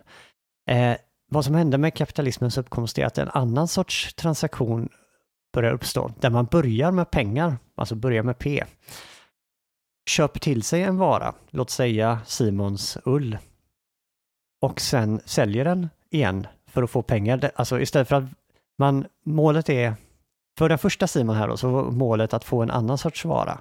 Så man använde pengar bara som ett eh, medel för att nå det slutmålet som var vara nummer två. I det här nya då som börjar hända är att pengarna är både, eller pengarna är målet snarare än medlet. Så att man använder varan för att generera mer pengar. Man börjar med pengar, går via en vara och slutar med pengar. Och tanken är då att eh, det vore meningslöst om man gjorde den här bytet om man bara hamnade med samma pengar. Mm. Simon börjar med 100 eh, pund, köper en vara och säljer varan för 100 pund. Det verkar ju ganska meningslöst. Du kunde lika gärna bara behållit sina 100 pund. Nej, men tanken här är såklart att någonting magiskt ska hända här eh, som genererar mer pengar så att han börjar med 100 pund, köper och säljer en vara och slutar med 110 pund till exempel. Det är det som är hela tanken. Och hur 17 uppstår detta då? Va- Vart kommer de extra pengarna ifrån? Det är den gåtan som Marx ger sig i kast med här. Vill någon eh, utveckla, ifrågasätta eller ta över eller ska jag bara mala på? Eh, Jag kan ta över nu, för det, Ja. det börjar bli spännande. Jag kanske går lite längre än, än, än eh, där vi läser nu för att Mm. prata lite om mervärde. Ehm, så nu har vi det här um, PV-P-relationen. Och då P2, som Kristoffer sa nu, måste vara mer än P1. Eller hur? Jag sa Precis, fel nu. till exempel Ja, jag- jag 110 hade rätt pund snarare. Ja, rätt bokstäver. Ja. Pengar, pengar. Mer pengar ska det bli efter Eh, varutransaktionen. Så i förhållande till det vi har pratat om väder nu. eh, så hur kan det här uppstå? Hur är det möjligt att ehm, man köper en vara och sen säljer den här varan för, eller så kan man göra någonting med varan och sen säljer den här varan för ännu, ännu mer än vad den är värd för. Så då börjar någonting där man um, med sina pengar så köper man en råvara. Men att köpa eh, en vara och sen med den här varan så kan man inte göra någonting med den för det har samma bytesvärde. Man kanske kan vänta hundra år och det blir eh, mer värdefullt. Till exempel en flaska vin är någonting som är väldigt bra så kanske nu är det lite mer kritik av Marx nu. Men äh, det kanske blir mer värdefullt för det har mer bruksvärde med tid i, utan arbete. Äh, nu kommer marxisterna döda mig. Men det, är möjligt till exempel. Williams adress är... Precis. Eh, ja, så man, ehm, ja, men ni kanske kan förstå det här med just, eller häng- hänger ni med när jag Ja, säger om ja, men det är här ett knepigt exempel där.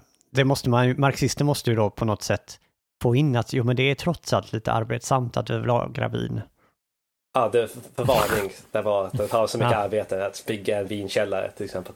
Ja, för annars är det ju problematiskt att den bara ligger och göttar till sig och bara på något sätt absorberar abstrakt eh, arbete från luften och därmed blir mer värdefullt. Det låter ju lite Men det, konstigt. kapital, det kapitalistiska samhället, det där bygger inte på vin. Det byggs på att man ska uh, förvandla varor, för det är i alla fall snabbare sätt att Mm. öka, öka Det där är väldigt spännande där du säger om vin. Jag tänkte på konst mycket också, men det kanske är en annan nej, Mm. diskussion som vi kommer tillbaka till. Men eh, man skulle kunna säga att det här är inte det som eh, Marx behandlar. Det är ett bra sätt för marxister att ta en, så här, en- den lätta vägen ur. Alltså, ja, men, det här är någonting annat. Det här är inte kapitalismen, det här är någonting annat. som, eh, eh, som händer i, i de här. Så det är en beskrivning av kapitalismen som vi gör nu. Och, eh, så det kapitalisterna gör är att få pengar snabbare än till exempel vin eller konst. Eh, köpa en vara och sen de kan förvandla det själv, men det vill de inte göra. Eh, De kan också köpa arbetskraft. Och den här arbetskraften på den här varan kommer öka pengarna som de kan sälja det här för. Så P2 då är, kommer vara större, eller så, enligt Marx då, eftersom värdet på ehm, och nu gör vi ett stort antagande att pris är lika med värde och det är inte så det är men Nej. Eh, där, man, där man köper det för, där man säljer det för. Vi tar det här antagandet där Marx gör här också. Även om han vet att det är någonting fel här. Eh, Ja. William, jag vet inte hur långt du hade tänkt att gå. Eh, men det är ju en jätteviktig grej som kommer in i det här, så jag blev jätteprovocerad av i ordets mest eh, positiva bemärkelse. Jag tyckte Marx var jätteintressant där. Jag vet inte om du tänkte komma in på det nu, men just det här att det inte kan förklara genom att man cirkulerar och säljer det dyrare än vad man köpte, att det i sig själv inte kan förklara. Det tyckte Ja. jag var jättespännande. Men, men vi kan ta det där sen. Um, för, att bara förklara klart vad, hur det här mervärde och sånt uppstår, vad det är. Ja, Är ju det här att, ehm, ä- att ehm, man köper det här arbetet man, och det här varat. Och sen man förvandlar det här till en ny produkt som man säljer för mer pengar. Ehm, så det, vad det här är det vi har läst nu eller har, vad är det nästa kapitlet? eh, I den här ekvationen, arbete plus, jag minns inte just nu. Alltså jag läste slutet extremt fort och jo, extremt vi, snabbt. vi landar Så- precis där i, han hinner precis introducera eh, mervärdet och han hinner introducera en arbetande klass som inte har någonting annat att sälja än sitt eget arbete. Okej, Och sen men, så men, slutar han här ungefär. Ja, på det här cliffhanger. Men jag löser, jag, jag löser lite av det här cliffhanger nu också. Eh, Mm. Han gör det Ehm. själv också, för han säger att han går händelserna i förväg och så har han en kort paragraf där han berättar vad som kommer att hända. Okej, men äh, ja, så, så, så man har... Så i ekvationen nu så man börjar med pengar. Och sen köper man eh, varan plus arbete. Och där ligger till vara nummer två. Som man kan sälja för mer pengar än vad man köpte för. I alla fall varan. Men enligt Marxs teori, alltså den nya varan som man har. Är... Det är bara ehm, summan av arbete plus varan. Så P2 är lika med vad kapitalisten köpte arbetskraften för.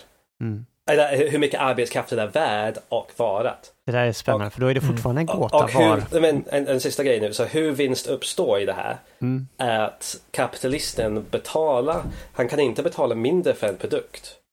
För det, för det är ingen som säljer sina produkter för mindre än vad de är värda. Nu tar vi ideala eh, sammanhang. Men man kan köpa arbetskraften för någonting billigare än vad det är värt. Ja. Och här kommer det politiska in. Eh, Ja. Eh, och, det, och det är hur P2 kan vara värt för P1 i jämförelse med P1. För att om man, till exempel, så, så om vi tar det här rent matematiskt. Eh, man köper en, en, en massa ull för 100 kronor. Man köper William för 50 kronor. Och så säljer man ulltröjan som William tillverkar för 200 kronor. Mm.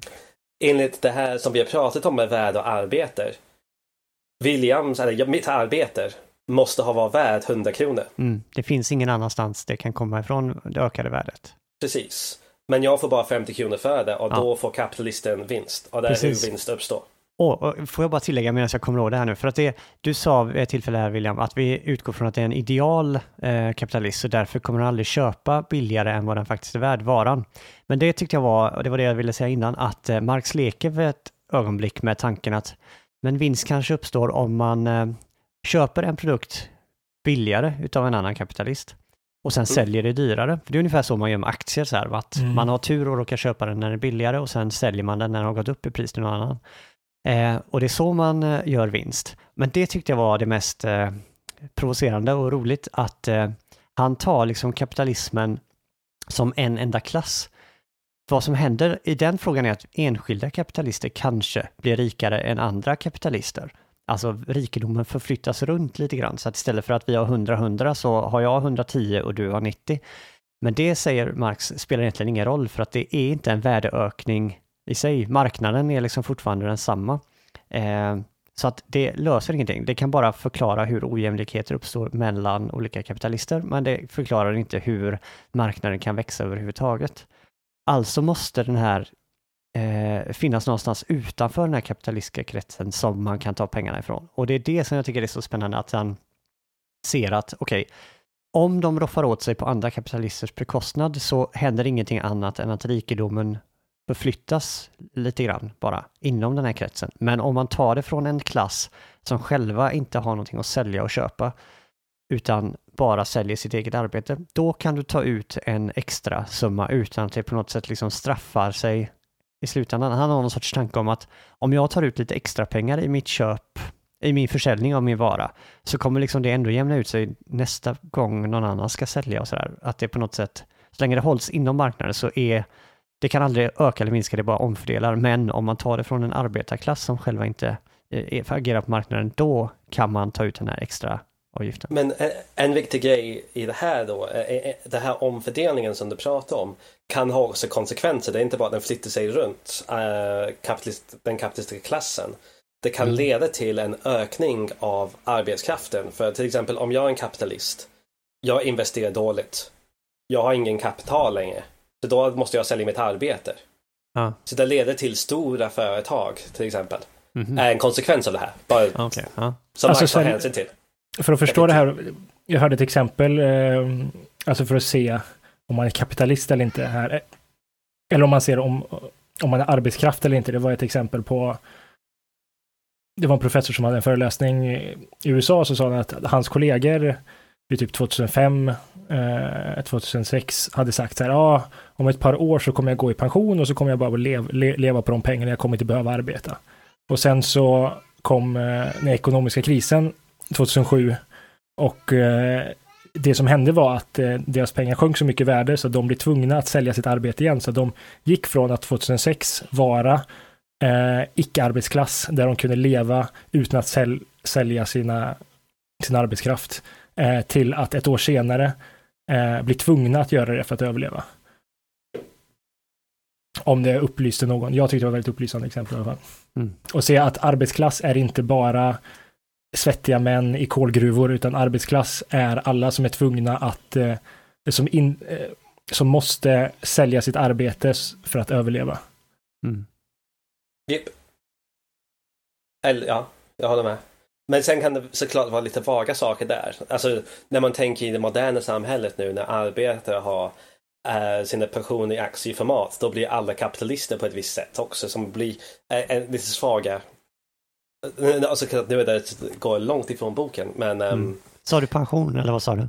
Ja, men man har sina pensionsfonder ja, i aktieformat. Staten tvingar oss till att bli kapitalister i den meningen. Ja, fast jag, men då jag, jag är vi minikapitalister. Det... Fast... Alltså, vi, vi, vi håller upp det kapitalistiska systemet genom med, vår, med våra pensioner samtidigt mm. som vi måste arbeta för att överleva.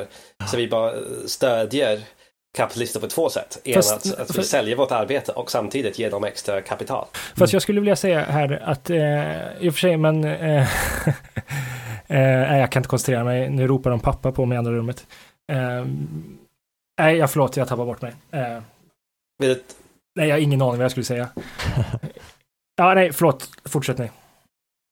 Um, jag vet inte, ja. det känns som att vi börjar eh, bli färdiga med den här den biten. Jo, jag har ett exempel på det här bara som jag vill ta upp. Eh, som jag stötte på om typisk kapitalism. Vet du, jag var i Kina eh, och så var vi på så här förbiresa och så och skulle kolla på massa fina tillställningar, eller så här, man skulle kolla på muren, man skulle gå in i förbjudna stan och så där. Så var vi inne där de gjorde krukor, vissa krukor, och så gick vi in där det satt eh, fem, sex gummor, i, de var säkert 40 men såg ut som 80, eh, med masker på sig och eh, målade och inristade med massa kemikalier i de här eh, mm. krukorna.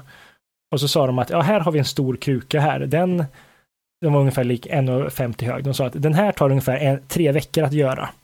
Och den säljs för ungefär en och en halv miljon svenska kronor. Okay. Och eh, så sa de, de här kvinnorna som arbetar här, de får tusen kronor, svenska kronor i lön i månaden. Uh-huh.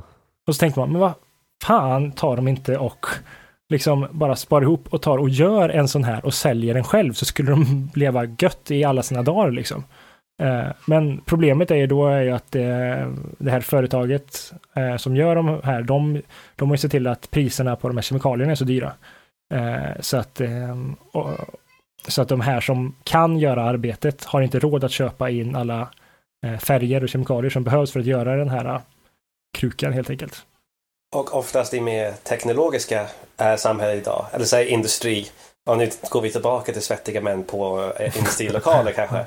Men det som Marx pratar om lite grann är äh, kapitalister också har ägarmaskinerna för att tillverka ja, sånt här ja. saker. Så man måste...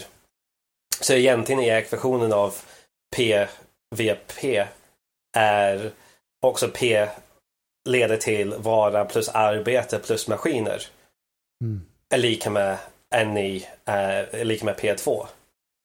Ja, eller nej, fast jag tror inte man måste, för alltså det är hans han, han snackar om att arbete, alltså värdet är arbete, eh, arbetskraft. Om, om man säger att han säljer någonting, om man, har, om man jobbar, alltså om man har tio timmars eh, arbetsdag och så jobbar arbetarna, alltså värdet för tröjorna de skapar är egentligen värt fem timmars arbete. Men de säljer det för tio timmars arbete. Eh. Jo, ja, men jag menar att kapitalisterna också ger maskinerna, alltså de, de ja. ger, ägarna på samma sätt som de ger eh, råvaror som de ska arbeta med. De ger också maskiner och det är därför arbetarna kan inte göra som ditt exempel Simon. Bara göra det själv. Ja, precis. Alltså an anledningen varför de inte kan göra det själv är för att på grund av maskinerna så kan eh, kapitalisten sälja det billigare än vad de skulle kunna göra. Det är, enda, det är det mas maskinerna tillför bara att arbetsprocessen blir snabbare så att de kan göra så de kan eh, så att det egentligen går emot tre timmar att göra de här tröjorna istället för fem timmar som förut. Då kan de sälja dem billigare. Så att egentligen, maskinerna skapar ingen mer värde eller liknande, utan mas maskinerna har ju bara som funktion att eh, kunna göra fler, sa fler saker på kortare tid.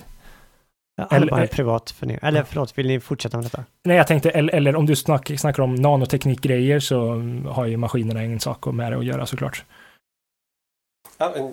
Kristoffer, vad skulle du säga? Jag hade bara en väldigt privat fundering. Eh, jag är anställd på ett företag som är helt och hållet ägt av staten.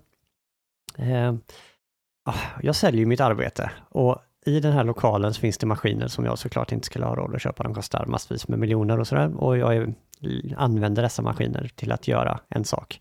Eh, hur passar det in i det hela? Jag tänker på, vem, vill, vem är kapitalisten som äger dessa maskiner? Det är ju staten som äger dem. Hur, hur skulle en marxist analysera min situation tror ni? Ja, det, det är intressant hur, hur man anser statliga företag. Men man kan också se att statliga företag är någonting som kom efter det här. Mm. Och som var en, man kan säga en konsekvens av eh, inhuman kapitalismen. Ja, jag skyller inte på Marx för att han inte tar upp detta. Det är inte så jag menar. Jag, jag förstår att han inte, han kan inte förutse vad som kommer hända i framtiden. Så. Nej, jag är bara mer nyfiken hur man, om man nu är ortodox marxist, hur man beskriver den här situationen. Alltså jag tror att det bara, man, skulle säkert kunna göra en PVP-ekvation på det fast det blir lite mer komplex. Mm. Att det blir staten som vill tävla i den kapitalistiska världen mot DHL och alla de andra mm. uh, företag som finns nu. Så de gör precis samma sak fast de um, med deras vinst, de bara gör andra saker med sin vinst än vad kapitalister gör med sin vinst. Ja, men det är ju vi på något sätt som får, äger staten. Ja, om du tycker det så det är fint. ja. Eh, men man kan säga, men, men ser du, även om vi äger staten, om det är så, som jag tvivlar på. Uh, det finns ändå en PVP-ekvation uh, med ditt arbete i alla fall. Så även om du ingår i vinsten efteråt, ja. ditt arbete fortfarande säljs för för lite pengar. Ja. Mm. Jag tycker bara det är lite svårare än när man ser den här feta kapitalisten som eh, tar ut eh, extra pengar och lägger i sin ficka. Det är lite svårare här nu när det är staten som tar ut extra pengar för mitt arbete och jo, men... Eh, bygger vägar och skolor och polis och sådär. Men det andra saker som typ sjuksköterska, alltså hur, hur går de i sitt arbete i PVP-relation? Mm. Det är väldigt svårt, för de, mm. de gör ingen vardag på, på samma sätt, det är hälsa. Det var väldigt mycket så här feministisk kritik av marxismen, just det, som det här med um, sjukvård och uh, hushållsarbete inte ingår i, mm. i kapitalismen. Och då brukar svaret vara, ja men han behandlar inte det. Mm. Ja, det är jätteintressant. Jag tänkte också, som jag sa förut, på konst, huruvida det är nyttigt eh, arbete. Och eh, då är vi tillbaka på vinet också. Jag menar, man kan ju spekulera om man är så här hård kapitalist, kan man spekulera i konst. Man eh, tar fram ett band till exempel bara för att man vet att de kommer bli stora och hova in pengar. Eller man köper konstverk inte för att man tycker om dem utan för att man vet att de kommer stiga i värde och så. Ja, ja så, så um, det finns definitivt alltså, ett... Ja, vad ska jag säga? Alltså det, alltså det, det går väl alltså det problemet med att analysera det är ju att hur, vart är arbetet i det? Alltså hur kan det, mm. hur kan det stiga i värde om värde definieras som abstrakt mänskligt arbete? Det är det ja. som är väldigt märkligt. Alltså, jag kan förstå vinlagringen för att vinlagringen skapar ett högre bruksvärde i slutändan. Alltså vinet blir godare. Men konsten blir fan inte bättre. För att konstnären ja. dog. Ja, men, nej, men precis. Alltså, då, då, skulle det vara bättre att gå runt och mörda konstnärer. Okej, okay, det är olagligt, förlåt. Gör inte det. Simon förespråkar inte mord på konstnärer. Uh, ja, vi, vi, ska, vi har brist på pengar i landet så vi dödar alla konstnärer. Så, så får vi mer. Men det, jag tror man löser det här i alla fall om man ska vara så här en ren marxist och säger mm. men det finns en skillnad mellan pris och bytesvärde. Mm -hmm. Okej, okay, och det är den diskussionen för... vi inte har kommit till ännu i vår, det jag och Simon har läst i alla fall. Fast det har... Ja, precis. Alltså, alltså, så, okay. det vi pratar om det här PVP-relationen är värdet alltså av pengarna och värdet av um, uh, arbet, arbetet och varat och så vidare. Varan. Och det som är, är, är det som man antar i det här till exempel är ett likmetecken mellan äh, en så, så, när man byter någonting, att det blir är likadant. Alltså jag byter A för B och A är lika med B i värde. Mm. Alltså, han säger en väldigt bra sak, eller bra sak, men han säger, han, han förklarar skill skillnaden mellan, alltså när vi får guld, när guld är, eh, ett guldmynt är lika mycket som fem tröjor, 20 vattenflaskor etc. etc. Då är det, då är det, har det ett ekvivalent värde och då representerar ett guldmynt samma värde, den har samma värdesubstans. När det däremot blir pengar så är inte det ekvivalent med, pengarna har ingen värde, däremot representerar Mhm. guldet, eh, pengarna, guldvärdet. Det, är, det har inte samma värde, det bara representerar det värdet. Eller han säger Mm. så på ett ställe, jag kommer inte ihåg var. Okej, Ja. Ja, Han, det han gör en skillnad mellan att det har värdet och representerar värdet. Okej, det är faktiskt finurligt, för då kan man helt plötsligt hantera det här moderna utvecklingen med pengar. Ja, precis. ja, det var det jag försökte babbla om förut Ja, jag när jag om potential, eh, köpkraft och så vidare. Ja, visst. Ja, Ehm. ja. Men det, det blir som, alltså, som jag skickade till er i anteckningarna. Om man tänker en Apple-dator som kostar 15 000 kronor eller någonting. Och en Mm. Asus-dator som kanske består av exakt samma delar som kostar 7 000 kronor. Det, det, alltså det, de har igen, då, om man tänker då att de har exakt samma arbetskraft som ingått i att bygga dessa datorer. Mm. Vad är det som egentligen, varför kostar de annorlunda? Ja, jag tyckte det- ditt andra exempel var ännu bättre, om David Beckhams skor.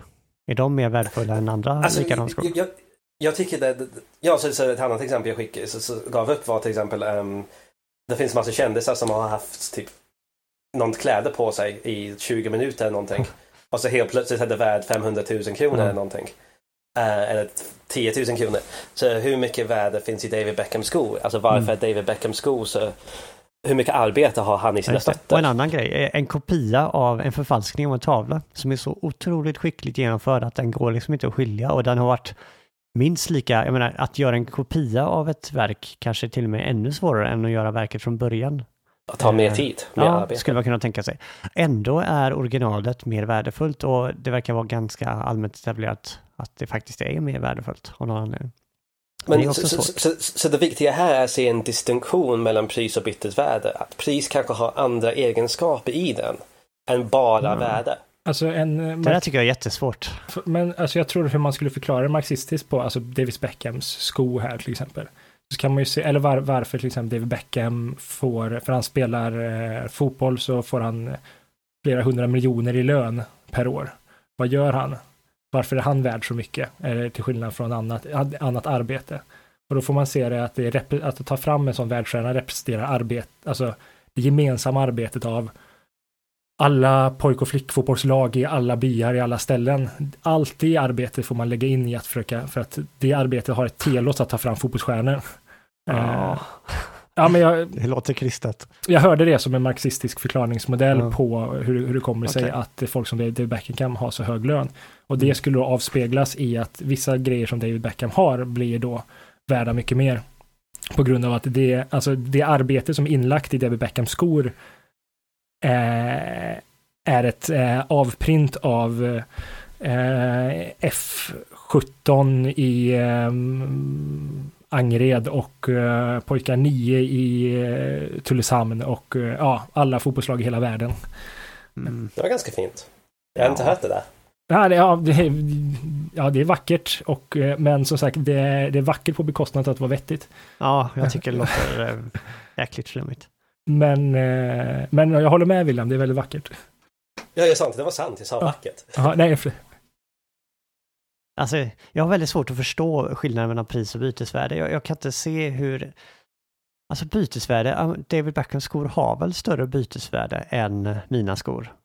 Man kan Nej, byta inte om- till sig dem mot mer saker. Inte om bytesvärdet är definierat strikt med det här arbetet. Eh, nej, men... Eh, Om man inte gör en vacker lösning och säger att det finns jävligt mycket arbete i ja, men det tycker jag låter väldigt krystat. Men eh, vad jag skulle vilja säga är att det ifrågasätter eh, huruvida bytesvärde faktiskt är eh, det inlagda arbetet. Jag menar, jag håller med om att om man har definierat bytesvärde som summan av kvantiteten av arbete så kan det inte öka i bytesvärde.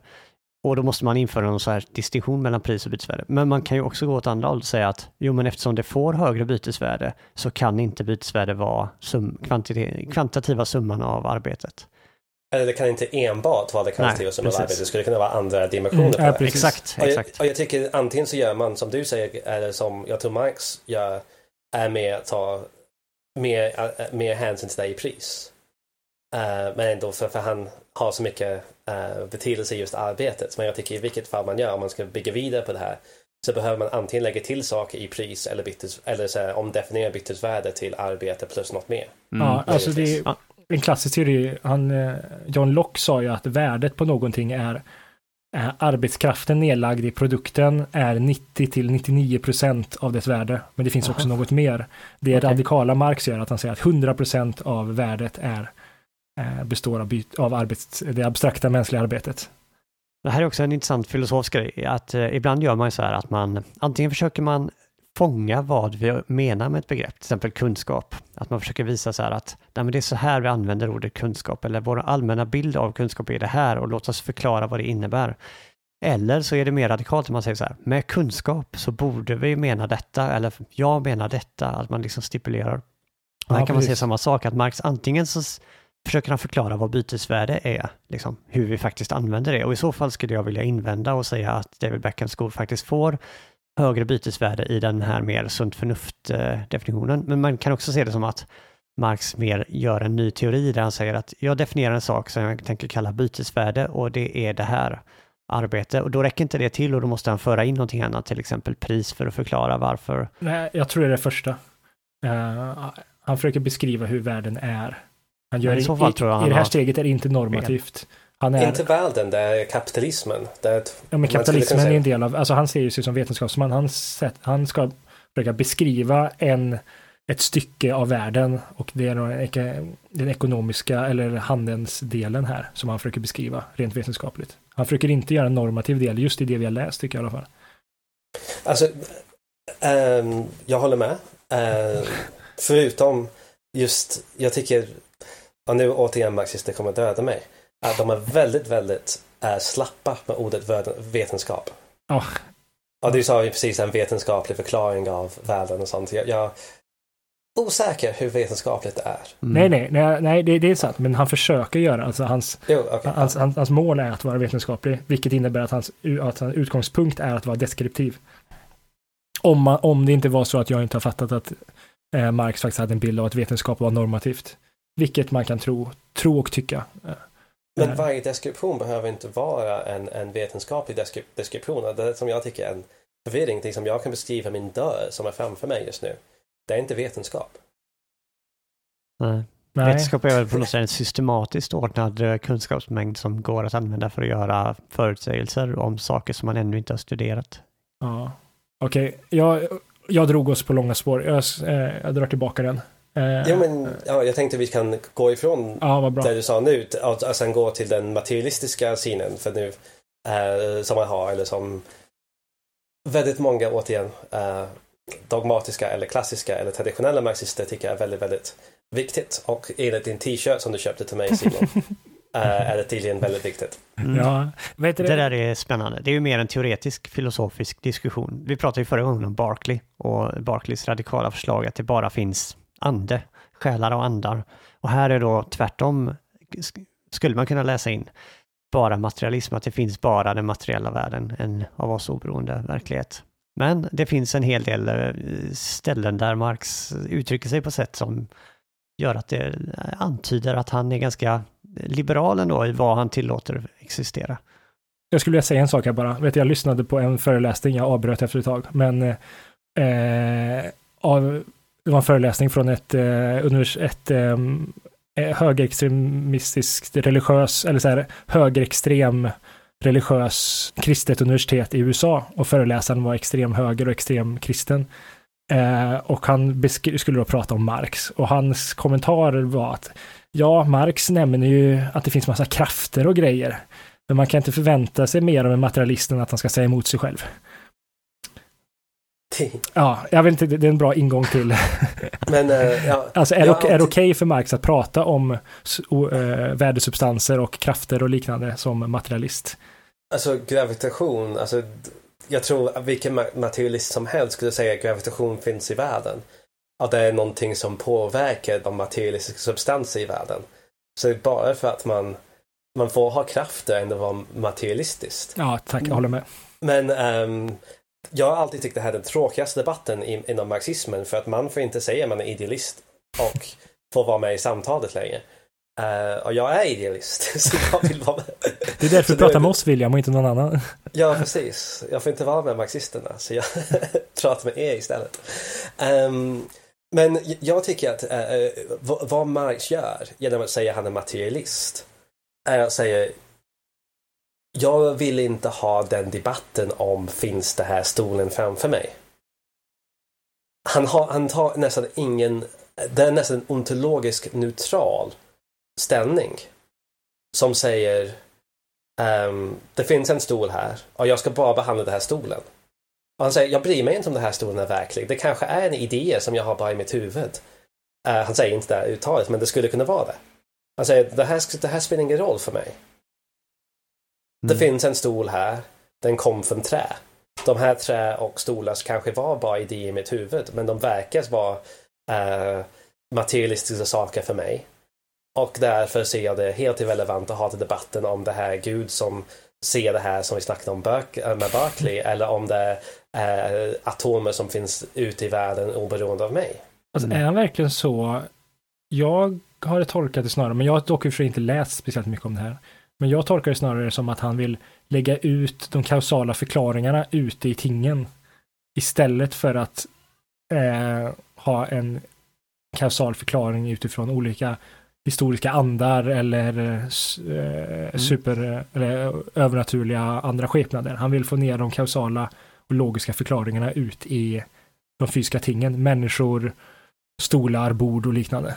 Ja, jag håller med. Jag tror att ni inte säger emot varandra på ett sätt. Nej, okay. att, eh, jag tror, Marx säger ju uttryckligen, eh, tycker jag, eh, den sortens, han ger uttryck för den sortens materialism som Barclay skulle vända sig emot och som eller William eh, vänder sig emot. Däremot kan jag hålla med William om att den inte gör någon direkt eh, funktion i hans system. Alltså han utgår från det bara, det är ingenting han argumenterar för.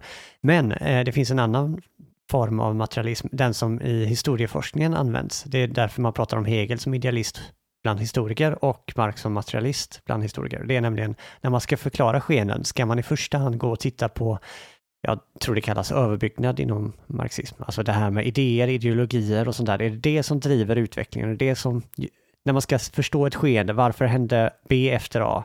Ska man gå och se vilka idéer som figurerar här? Alltså idéer i mer vardaglig betydelse, ideologier och teorier och sådär? Eller ska man gå till de mer världsliga förhållanden? Vem arbetar för vem? Hur arbetar de? Vilka var rika? Vilka var fattiga? Och marxismen då förespråkar materialistiska analyser i den här senare bemärkelsen. Jo, men och det tycker jag är en, nästan metodologisk ståndpunkt. Det är inte en ontologisk eller metafysisk ståndpunkt. Och man skulle kunna vara en idealist redan att det här bord är en idé men samtidigt säger att en idé för till exempel en grupp människor så, där oberoende, så den är ja. beroende på det mänskliga medvetandet att kunna använda det som bod eller se det som bod som uh, vissa idealister gör. Och för, för tyvärr så ska jag använda en, en fakt här men jag tror vi har tagit det en annan gång. Uh, transcendental idealist för mig, alltså hur jag tycker om att beskriva den här ideologin är ungefär exakt samma sak som man gör med äh, marxistiska materialismen. Äh, vi, ska, vi, vi vill inte ha den här debatten. Det här verkar vara en, en, en perception, en, en varseblivning som jag får. Och vi, är, vi har de här idéer som vi behandlar och skapar idéer och teorier om matematik och vetenskap med. Mm. Och jag tycker båda två bara säger, jag vill inte ha, ta den här debatten om är det här verkligt? Eller är mm. det här i, i våra idéer? Man bara behandlar dem. Och hur man, man bara så använder lite olika ursprungspunkter. Men jag tycker de är identiska. Ja, det, det är väldigt starkt påstående av mig här. Jag tycker de är identiska. Jag vet inte om jag håller med om de är identiska, men jag ser absolut inga problem med att vara kantian eller barklean och ändå köpa Marx materialistiska förklaringar, för det, materialism betyder i det sammanhanget någonting annat. Däremot att vara hegeliansk idealist skulle inte kunna fungera. Jo, jo där, jag säger inte att alla idealister måste vara det här materialister. Men jag säger det är möjligt att man kan vara, ha, ha ungefär en kompatibel världssynd Mm. som marxismen och vara idealist. Precis, för att om vi tänker, om vi låtsas att Barclay har rätt nu då, och det är Gud, ni vet hela paketet med Gud och själar och allt sånt där, så är det ju ändå så att själarna befinner sig i vissa tillstånd som bestäms av den här oberoende verkligheten, alltså oberoende av varje enskild individ. Det är ju Gud som på något sätt upprätthåller den här ordningen. Så därför är det ett fakta att vissa inte äger sina eh, maskiner och sådär. Alltså ingenting utav det säger egentligen emot Marx. Så jag går med på att man skulle kunna vara kantian eller Berkeleyan och ändå köpa Marx. Däremot så tycker jag att han i boken flera gånger säger sig liksom vara emotsatt dem, men att han inte gör någonting av det. Men han går emot en hegeliansk idealism Mm. framförallt. Det gör han framförallt. Men jag tycker han ibland så här, han pratar om att vad är bruksvärdena? De är uppbyggda av två element. Det är arbete och råmaterial, materiellt substrat. Alltså terminologiskt så är han ju i opposition till Barclay. Jo, det, definitivt. Alltså, det är en terminologiskt, men jag ser att de är inte... Alltså man kan förena, alltså om till exempel den här stolen är bara en idé, en gemensam idé som Mm. finns hos alla människor som har en viss eh, kognitiv utläggning att se det här, se en stol som en stol. Eh, och det är vi som konstruerar den här stolen tillsammans. De här sociala bruksvärden som Marx pratar om och bytesvärden kan vara i samma um, har ungefär, är fortfarande kompatibel om vi konstruerar en stol eller om stolen är en verklig stol. Ja. Mm. Ja, jag håller med om det, att eh, ja, du, Och- men- men- men du får lov att roliga- fortsätta. Men det roliga tycker jag är att det här är um, alltså det är femte gången marxisterna borde döda mig efter idag, tror jag. För att alltså just det här har folk blivit väldigt sura på mig. Ja. Ja, men jag förstår. De blandar ihop antagligen då två olika betydelser av begreppet materialism. Å ena sidan det här Ja. mer ontologiska, Barclay kontra ja, andra materialister. Och å andra sidan mer kan vi säga Hegel kontra Marx. Alltså det ena Mm. är förklaringsmodell och det andra är någon sorts ontologisk ståndpunkt om objektens ontologiska status. Orkar ni gå in på de här riktigt göttiga eh, eh, ontologiska detaljerna? Jag tänker på eh, vissa uttalanden han gör. Eh, Alltså jag har ett där som är, alltså för att uh, ta tillbaka något, något vi sa i början, eh, är, är att eh, man ska tolka, alltså att han kanske bara skrev snabbt. Han säger på ett ställe, på sidan 89, så säger han att eh, prisuttrycket blir, blir här imaginärt, så, eh, så som vissa matematiska storheter. Och som eh, skolad analytisk filosof som jag är, så säger man, okej, vissa matematiska storheter är imaginära, men andra är det alltså inte. Och det skulle då säga emot hans materialism här och det skulle vara en ontologisk debatt som jag inte orkar ta nu, men det är en intressant grej. Har både med att, menar han att det finns matematiska entiteter eh, som inte är mat- materiella, eller är det bara så att han valde det sättet att skriva på? Och jag troligtvis är det senare, och att det är en eh, sätt att skriva på som jag inte är van vid bara.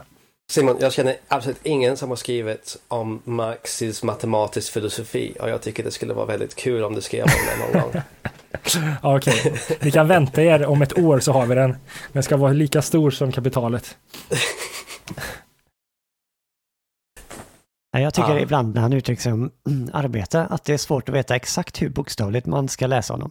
Han pratar om eh, att arbete i kristalliserat tillstånd, i materialiserad form blir det värde. Värde Mm. såsom substans av mänskligt arbete, skilt från själva linneväven. Frågan är, är detta materialism och vilken form av materialism är det? Alltså det här arbetet som, det är någonting annat än, det ligger i objektet, det är någonting annat än den materiella basen. Det är kristalliserat. Alltså vad, vad, vad är det där för något egentligen? Om vi pratar rent... Men det är också beroende på de här sociala relationerna. Så det, det, enligt mig så det, blir arbetets värde kommer utifrån den här som jag inte, när du sa förut, um, nästan Ja, men låt oss följa efter det. Ja, okej, det är dit jag ville komma. Eh, för det kommer vi prata om nästa gång Ja. SL. Och då pratar vi om sociala relationer. Och ibland så känns det som att värde är beroende på de här sociala relationer. Ja, det var dit jag ville komma. Vad bra att Ja. du eh, gick dit. Nej, men för att ibland låter det som att Marx faktiskt skulle kunna köpa en teori som säger att vi människor som kollektiv tror vissa saker eller anser vissa saker om objekt, vilket gör det sant. Alltså de får en status där de faktiskt får ett sorts värde, där de får vissa egenskaper. Och det är det Sörd kommer att eh, Mm. prata om i detalj, som vi kommer att prata om nästa gång. Eh, att vi tror att saker är pengar gör dem till pengar. Till exempel. Alltså jag tror han skulle, jag tror han, han har helt enkelt inte den begreppsapparaten som utvecklas successivt och framförallt i SÖL då, som gör att man, men han, han skulle skriva under på det skulle jag säga. Men jag tror det blir tydligare efter vi har diskuterat SÖL, Mm. Vad han menar. Men det är konstigt det där.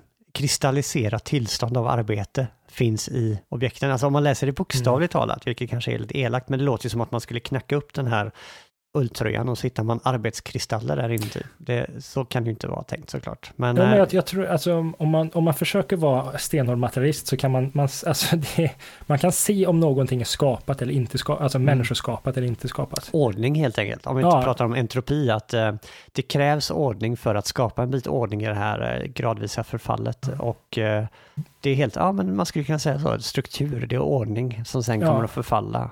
Och, och det, alltså den här inpränt, alltså om om vi går tillbaka, den här in, in, inpränt, impregneringen av mänskligt arbete syns på något, eh, på ett ting när det är en vara.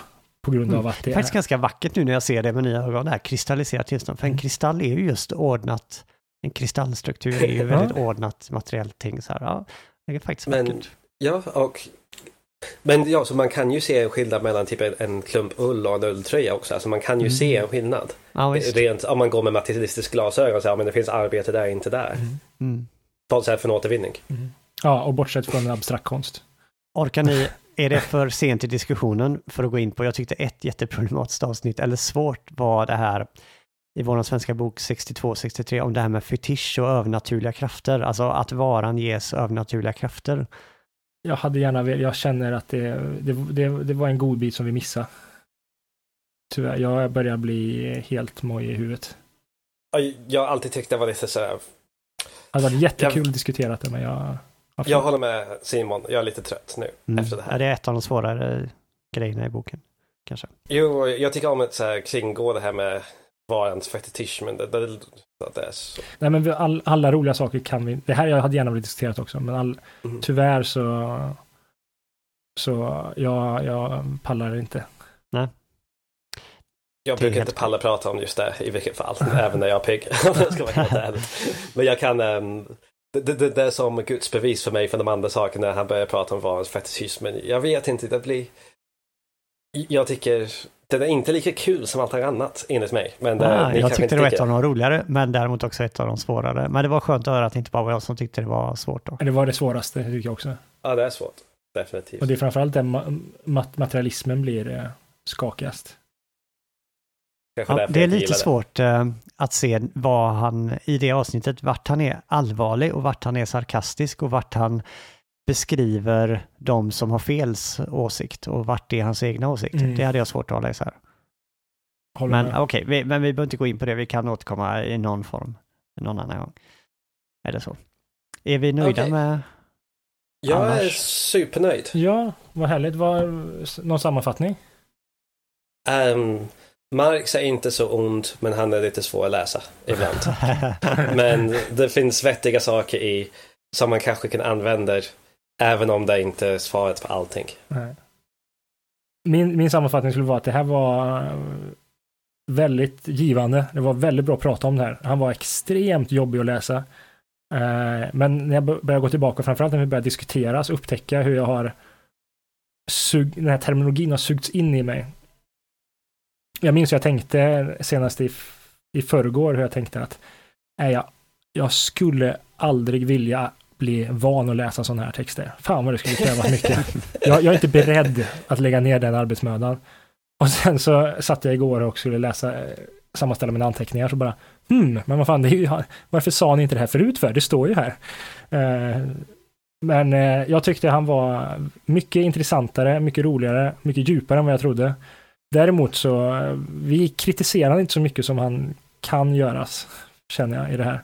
Eh, det finns en, alltså att prata att värld, vi, vi var inne på det hela tiden, men just Ja, nej, det, det finns en del hål, men det är också Nej, det var förbannat roligt och jag har eh, mycket eh, bättre ögon för Marx nu än vad jag hade förut.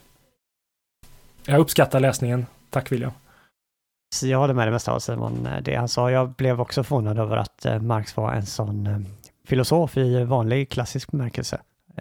Det var väldigt kul att se att han jag vet, man har läst citat där han själv tar eh, avstånd lite grann från filosofin, till exempel det William nämnde precis i början. Så jag blev förvånad över hur mycket klassisk filosof han ändå var och hur eh, ja, filosofiskt kul det var. Och jag kom på mig själv, precis som Simon, att man går omkring och eh, tänker på dessa och tittar på världen med lite andra ögon och funderar utan att ta ställning till om det är rätt eller inte, men man ändå eh, reflekterar över världen på ett nytt sätt efter att ha läst detta. Och jag, jag är ändå glad att jag läste det.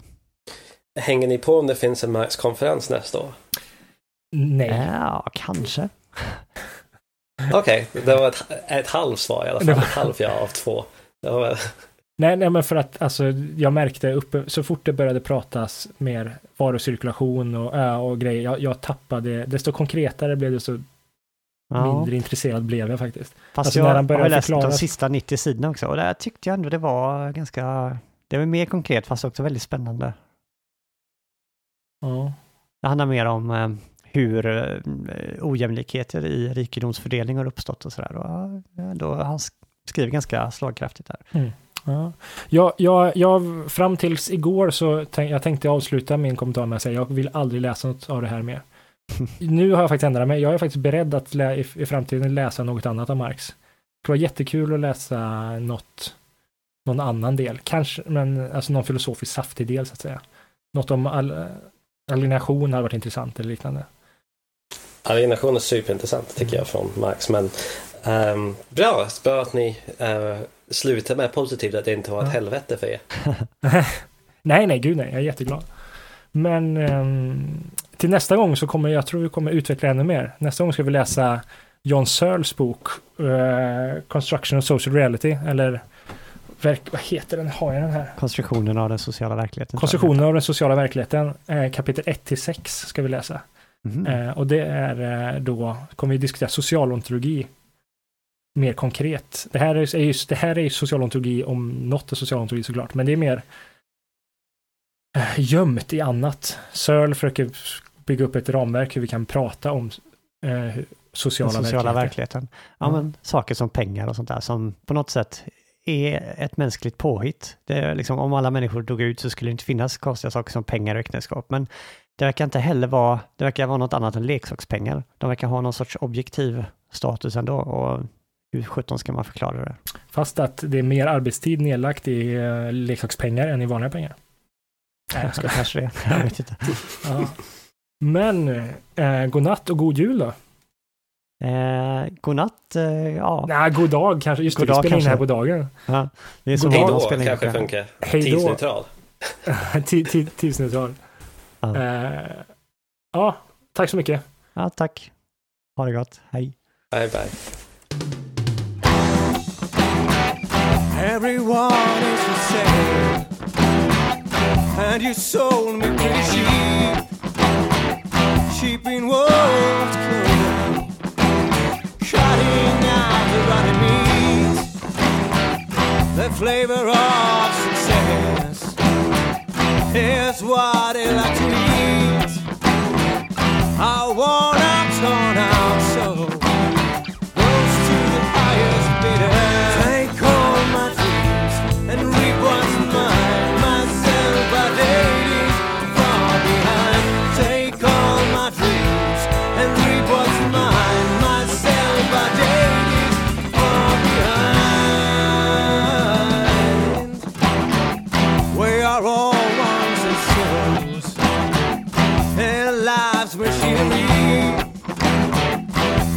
that makes me